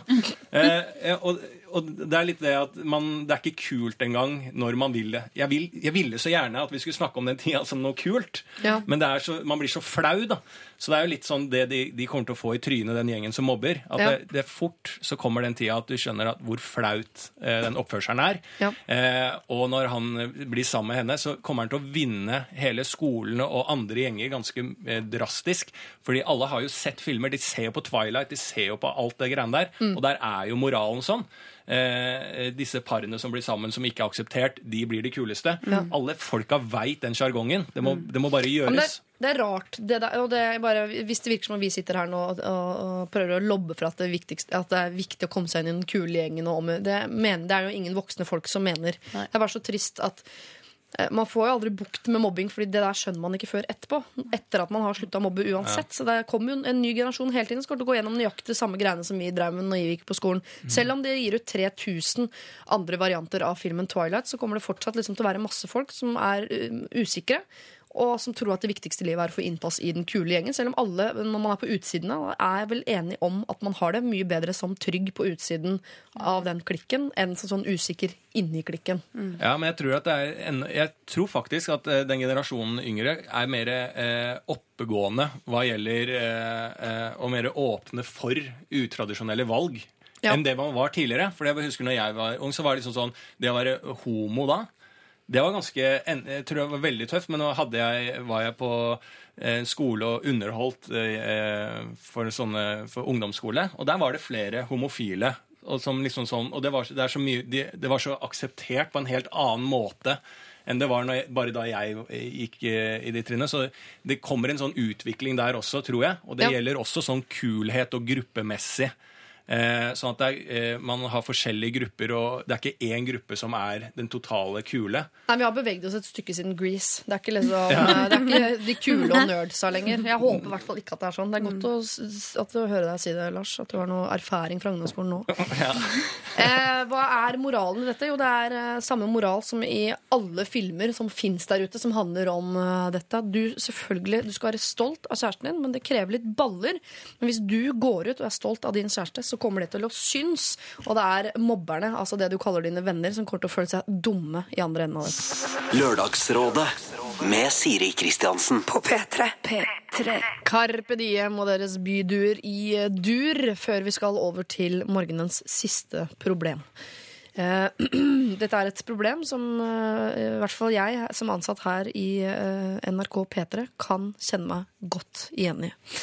Kjære Lørdagsrådet. Jeg har et problem jeg håper dere kan hjelpe meg med. Er no, eh, det er nemlig noen av kollegaene mine som ikke har lært å bruke dobørsten. Jeg er usikker på om det gjelder én eller flere, men jeg tror det i hvert fall er to skyldige, basert på hvor ofte det faktisk er et problem. Det betyr at det ganske ofte er veldig ekkelt å bruke toalettet på jobben. Det er ikke sånn at det er bitte litt igjen i skåla, altså. Som oftest er det snakk om ganske så mye. Opptil flere ganger har jeg måttet forlate toalettet med uforrettet sak og vente med å tisse til jeg har kommet hjem. Og det er ikke fordi jeg er så innmari fin på det, det er fordi det er ekkelt. Jeg kunne selvsagt sendt ut en e-post til alle på jobb og sagt ifra at den eller de det gjelder, må skjerpe seg. Men jeg vil ikke være den sure megga på kontoret. I og med at toalettet brukes av besøkende også, har jeg heller ikke lyst til å henge opp en lapp på dodøren av typen 'Har du huska å bruke dobørsten?' Selv om kanskje gjestene nok syns det er mindre ekkelt enn andre ting det er fare for at de finner der. Hvordan skal jeg få den eller de som ikke har lært seg å bruke dobørsten, til å gjøre det uten å bli kontorets sure megge? Er dette et vanlig problem her på NRK? Sier du Ja, men jeg har sendt ut den mailen, da. Jeg tok sjansen på å bli hun sure Megga. Ja, Vask opp dritten din etter deg sjøl. Hva skjedde da? Ja, det ble ikke noe bedre. Nei. Men jeg tror det er de gutta i Radioresepsjonen, for å være helt ærlig. Ja, og det er- Da er det liksom tre stykker som er enige om at dette er greit. Og da, Vi kommer aldri til å bli kvitt det problemet. Så da, sånn er det blitt. Men her er det flere vannklosett å velge mellom. Ja da, Så jeg går Ja. ofte langt jeg, for å gå på toalettet her eh, på dette huset. Men her virker det som det bare er én do. Nettopp. Jeg blir litt nysgjerrig på, Er det Narvesen-kiosken på altså, hva, Det er ikke så mange bedrifter som bare har én do. Er? Jeg har opplevd faktisk på en bedrift jeg har jobbet på, at det sto sånn på døra, så sto det eh, 'Dette er en dobørste'. Eh, og så sto det bare sto ikke noe om 'bruk dobbeltsmør, så bare sånn beskrevet hva det var. Ja, gøy. Eh, ja. Eh, og så, så, så, så var det bare var det bare det. Det var ikke noe sånn budskap om eh, Men det var, eh, den fins faktisk på den Kanskje, doen. ja, det er mulig. Da er man ikke en sur megge, da er man en morsom megge. Litt humor, ja. Ja. Er andre? Hvorfor blir man sur Megga av å sende ut? For jeg er ganske sikker på at hun er ikke aleine om å ha tenkt dette. Så hvis hun sender ut den mailen, så, så blir hun jo ikke den sure Megga på jobben. Nei, men det er liksom bare det å begynne å snakke om det. Litt, jeg skjønner at ikke hun har lyst til å ta det ut i all offentlighet. Ja. Men jeg hadde nå personlig gått på et annet do, men hvis ikke det er mulig, så hadde jeg nesten så hadde tatt ei bleie. Bleie? Bleie. Jeg trodde i det minste du skulle si at du hadde tatt en dobørste sjæl og gjort det Nei, rein. det, der går det ei grense. Ja, altså Slippe, og så slipper du å forholde deg til det. Fins det sånne bleier? Tjena, det er det. Ja, å, ja. Det er det. Voksenbleier. ja, nei, det ville vært underlig. Ja, i hvert fall hvis du selv må gjøre Ja. sånne type ting som krever dobørste. Og hvis du går rundt på en arbeidsplass der det er mye bæsj i doen, og du er den ene med bleie, Ja. så blir du ofte er du blir mistenkt også. Ja, Ja. Men du ser jo det hvis du går rundt du, Ja, det er det. Hun, hun er nå eh, blir mistenkt for å være den som har Ja, det, er det, det er jo det som er dilemmaet. Det er det som provoserte Ja. meg i sin tid, og for så vidt fortsatt. er jo, jeg- Jeg kommer inn på do. Det er dritt i do. Da har jeg et valg. Jeg kan gå ut igjen med uforrettet sak, som denne kvinnen, og møte noen i døra som går inn. De vet ikke at jeg har uforrettet Nei. sak. De tror å, Siri har driti på do og ikke gjort Ja, noe med det. Ja. Kleint. Eller jeg kan gå inn og vaske opp andres dritt. Uaktuelt. For å så sette meg på do, men lukta er antageligvis fortsatt i rommet. Så jeg vil fortsatt kunne møte folk i døra og da måtte øh, velge sånn, skal jeg si den kleine setning sånn Det er ikke meg. Som jo da gjør at de i hvert fall tror det er meg. Det, altså, det er, Men det er så dårlig gjort. Ja, og det er jeg helt enig i. Jeg, jeg, pleier jo da å ta bare den børsta og, og rense opp andres bæsj. Ja, jeg også gjør jo det. Ja. Jeg er Det er sykepleier. Ja, jeg Jeg er sykepleier, ja. Eh, Ja, ja. Eh, Så jeg gjør det med henda. Nei, men eh, eh, men eh, jeg, jeg tenker at eh, det er ikke, du blir ikke noe sur megge av å sende ut den mailen. Og jeg tror det er jævla lurt, fordi at eh, man, det er jo akkurat det som skjer, at ingen Når det, når det først blir et problem, så er det ingen som gidder å gjøre noe med det. Mm, man man snur, og ikke sant, så baller det på seg. Så eh, hvis du da en gang Hvis jeg ikke er en Jeg er en person som pleier å bruke en dobørste, da. si Mm. det. Jeg skal ikke påstå det, for det ble, kan man jo tro hva man vil om. Men hvis jeg er den personen, Ja. Eh, så en gang når jeg har en liten stripe i doen der, så tenker jeg nei, her er det alltid så mye, så jeg orker ikke å gjøre det nå. Så forplanter jo seg litt. Ja. Eh, så det er jo, jeg syns en sånn liten sånn eh, inf informativ med en liten morsom snert, eh, bruk dobørsta, så får Ja. vi det hyggeligere på toalettet. Det er jævla effektivt.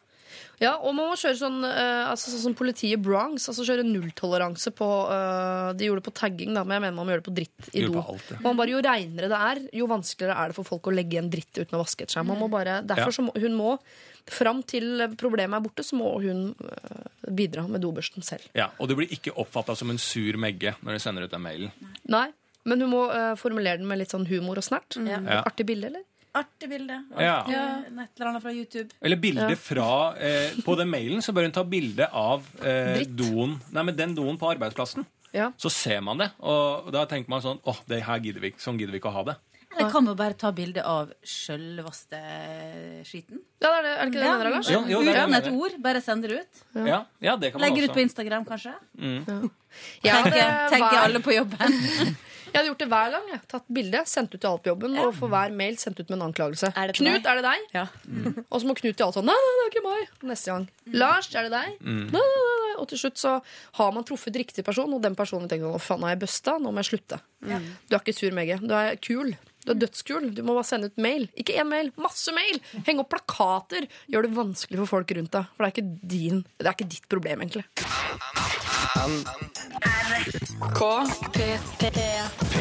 P3. High as a kite, leaving no traces, har uh, vi hørt. Så det er uh, dags at vi skal uh, dele ut en T-skjorte. Em, hva uh, tenker dere? Hvem fortjener T-skjorte? Jeg skal gå gjennom. Vi startet med en rum, ru, Rumiju og fra En Romeo og Julie-historie fra det militære. Altså en, eh, en soldat som var forelsket i en befal. Det er jo ikke lov.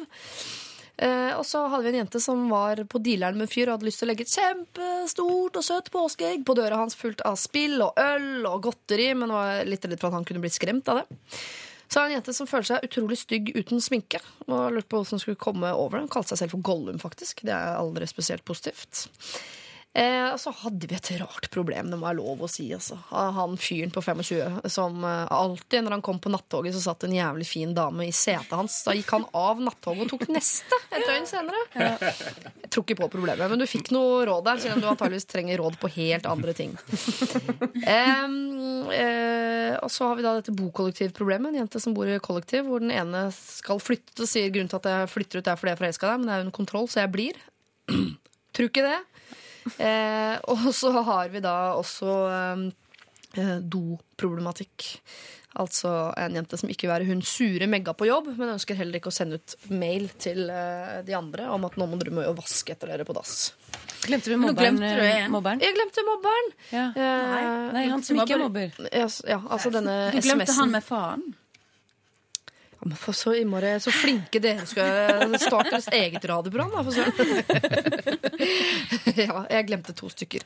Det var eh, en, eh, Vi fikk en SMS fra en ung gutt som har blitt sammen med en jente som blir mobbet av kameratene hans og tør ikke å gå ut med forholdet. Eh, Og så har vi også da fått inn problem fra en gutt som lurer på om han skal ta kontakt med sin far, som han ikke har hatt kontakt med siden han var tre år, vel vitende om at mor kommer til å klikke i vinkel. Ja. Eh, ikke mobb kameraten min, eh, kaster jeg inn her, merker Ja. jeg. Plutselig. For han er jo Eh. så søt og ung og har et stort problem som for, for unge mennesker. Ja, jeg slenger meg med på den. Stort problem og et enda større hjerte. Aner Ja. meg. Uten å legge noe føring. Ja, eh, Vi snakka litt om det her under låt. Eh, Jeg håper at han er ung. Ja, At det ikke er noe voksenopplæring. eh, På Eh, Rosenhoff. Ja, og at dette er, at dette er voks, en, et voksen forhold. Et sånn brevku- er et sånn kokkekurs på mm, Ja. spahotellet på Vinstra. Ikke sant? Men, så er jeg helt enig i at uh, den personen fortjener en uh, T-skjorte. Ja. Eh, og den, eh, men jeg også kaster opp en liten sånn pappaball her også. Jeg sa det, pappaball. Ball. Kaste den pappaball. Ja, men kaster en ball i lufta. Ja, ja, Ja. ja, ja. Ja. Så la jeg på pappa. Ja. Eh, med denne kontakten med faren. Mm. Som han hadde ikke hatt kontakt eh, med faren pga. moren nekta det. Mm. Fortjener også kanskje en T-skjorte i form av motivasjon. Jeg må legge til at han i mailen sin skrev på T-skjortestørrelsen sin, så han er veldig forberedt på å få T-skjorte. Jeg vet ikke om det gjør det mer, at dere får mer lyst eller mindre lyst. Mindre. Ja. Er Ja, og det der er eh, det størrelse gruver i personligheten din? Er det trass? Akkurat som hos meg? er trass. Ja. Hvilken størrelse på T-skjorten var det? Nei, det sier jeg ikke. Nei. Å nei. Ja, men jeg føler at den fars, eh, farsproblematikken At der var det litt sånn eh, vage eh, Ja, det var litt forskjell Det var ikke alle som var happy der, da, men jeg føler at i mobbekonflikten så er det Det er så glad historie fra ende til annen. Han, han burde få den i rosa og gi den til kjæresten sin. Ja. Mm. Fins den i rosa? Eller fins den i kommet nye nå i helt nytt stoff. Som er veldig sånn mykt og fint å ha til sommeren. Og så kan jeg også si fra allerede om at det kommer egne Lørdagsrådet-T-skjorter. Fordi nå har jeg mobbet sjefen vår, Vilde Batzer, ganske mange ganger på radio og vært sint fordi vi ikke har egne T-skjorter. Nå får vi det. Så sånn eh, offentlig uthenging kan ha en effekt på sikt. Ja. Så det får vi. Men eh, enn så lenge er det P3-T-skjorter. Jeg finner det òg, altså. Tenk deg, Han har sikkert skrevet opp uh, pappa sin størrelse på T-skjorten, uh, som han har funnet frem. Uh, fordi at han vil gi den egen. eh, Ja, men det er ikke sikkert. Hvis vi ikke skal dømme han så ned. Nei da. Nei da.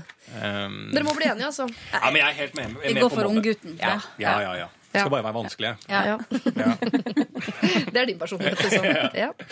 Ok, Da blir det en T-skjorte til ung gutt som har fått seg kjæreste, og som har en stor jobb å gjøre, nemlig å gå offentlig ut med denne kjæresten. Gjerne ikledd eh, T-skjorta, fordi vi gir gjerne vårt eh, stempel vi til antimobbekampanjen.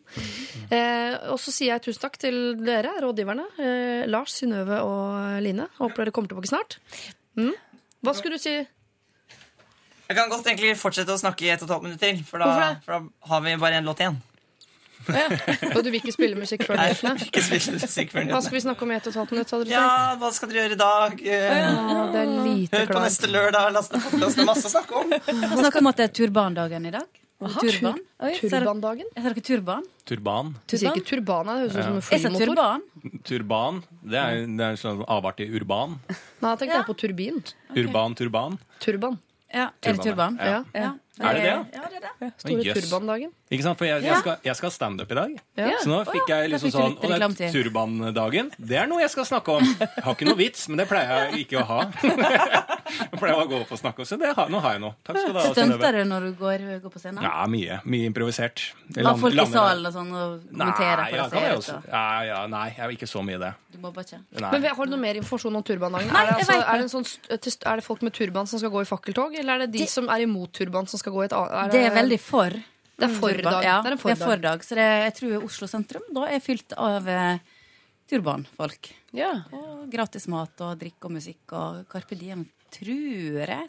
Nei, gud, Og det høres ut som arrangement som Carpe Diem Ja, kan spille på. Ja. høres litt ut som. Faren til Carpe Diem, nå Ja. sier jeg som en enhet, Ja. tror jeg har turban. Nei, jeg har ikke det. skjønner Jeg skjønner det? at du tenker det. Nei, for Jeg syns jeg har sett et innslag med det. Ja, ja. Jeg tror ikke Kurt Nilsen for eksempel, kommer til å være på dette. Burde vært. Ja. Nå må dere slutte. Det er tre sekunder igjen, men eh, tusen takk for at dere kom. da Kos dere på turbandagen. Og det her er fett sang. Dette er P3. Dette er P3.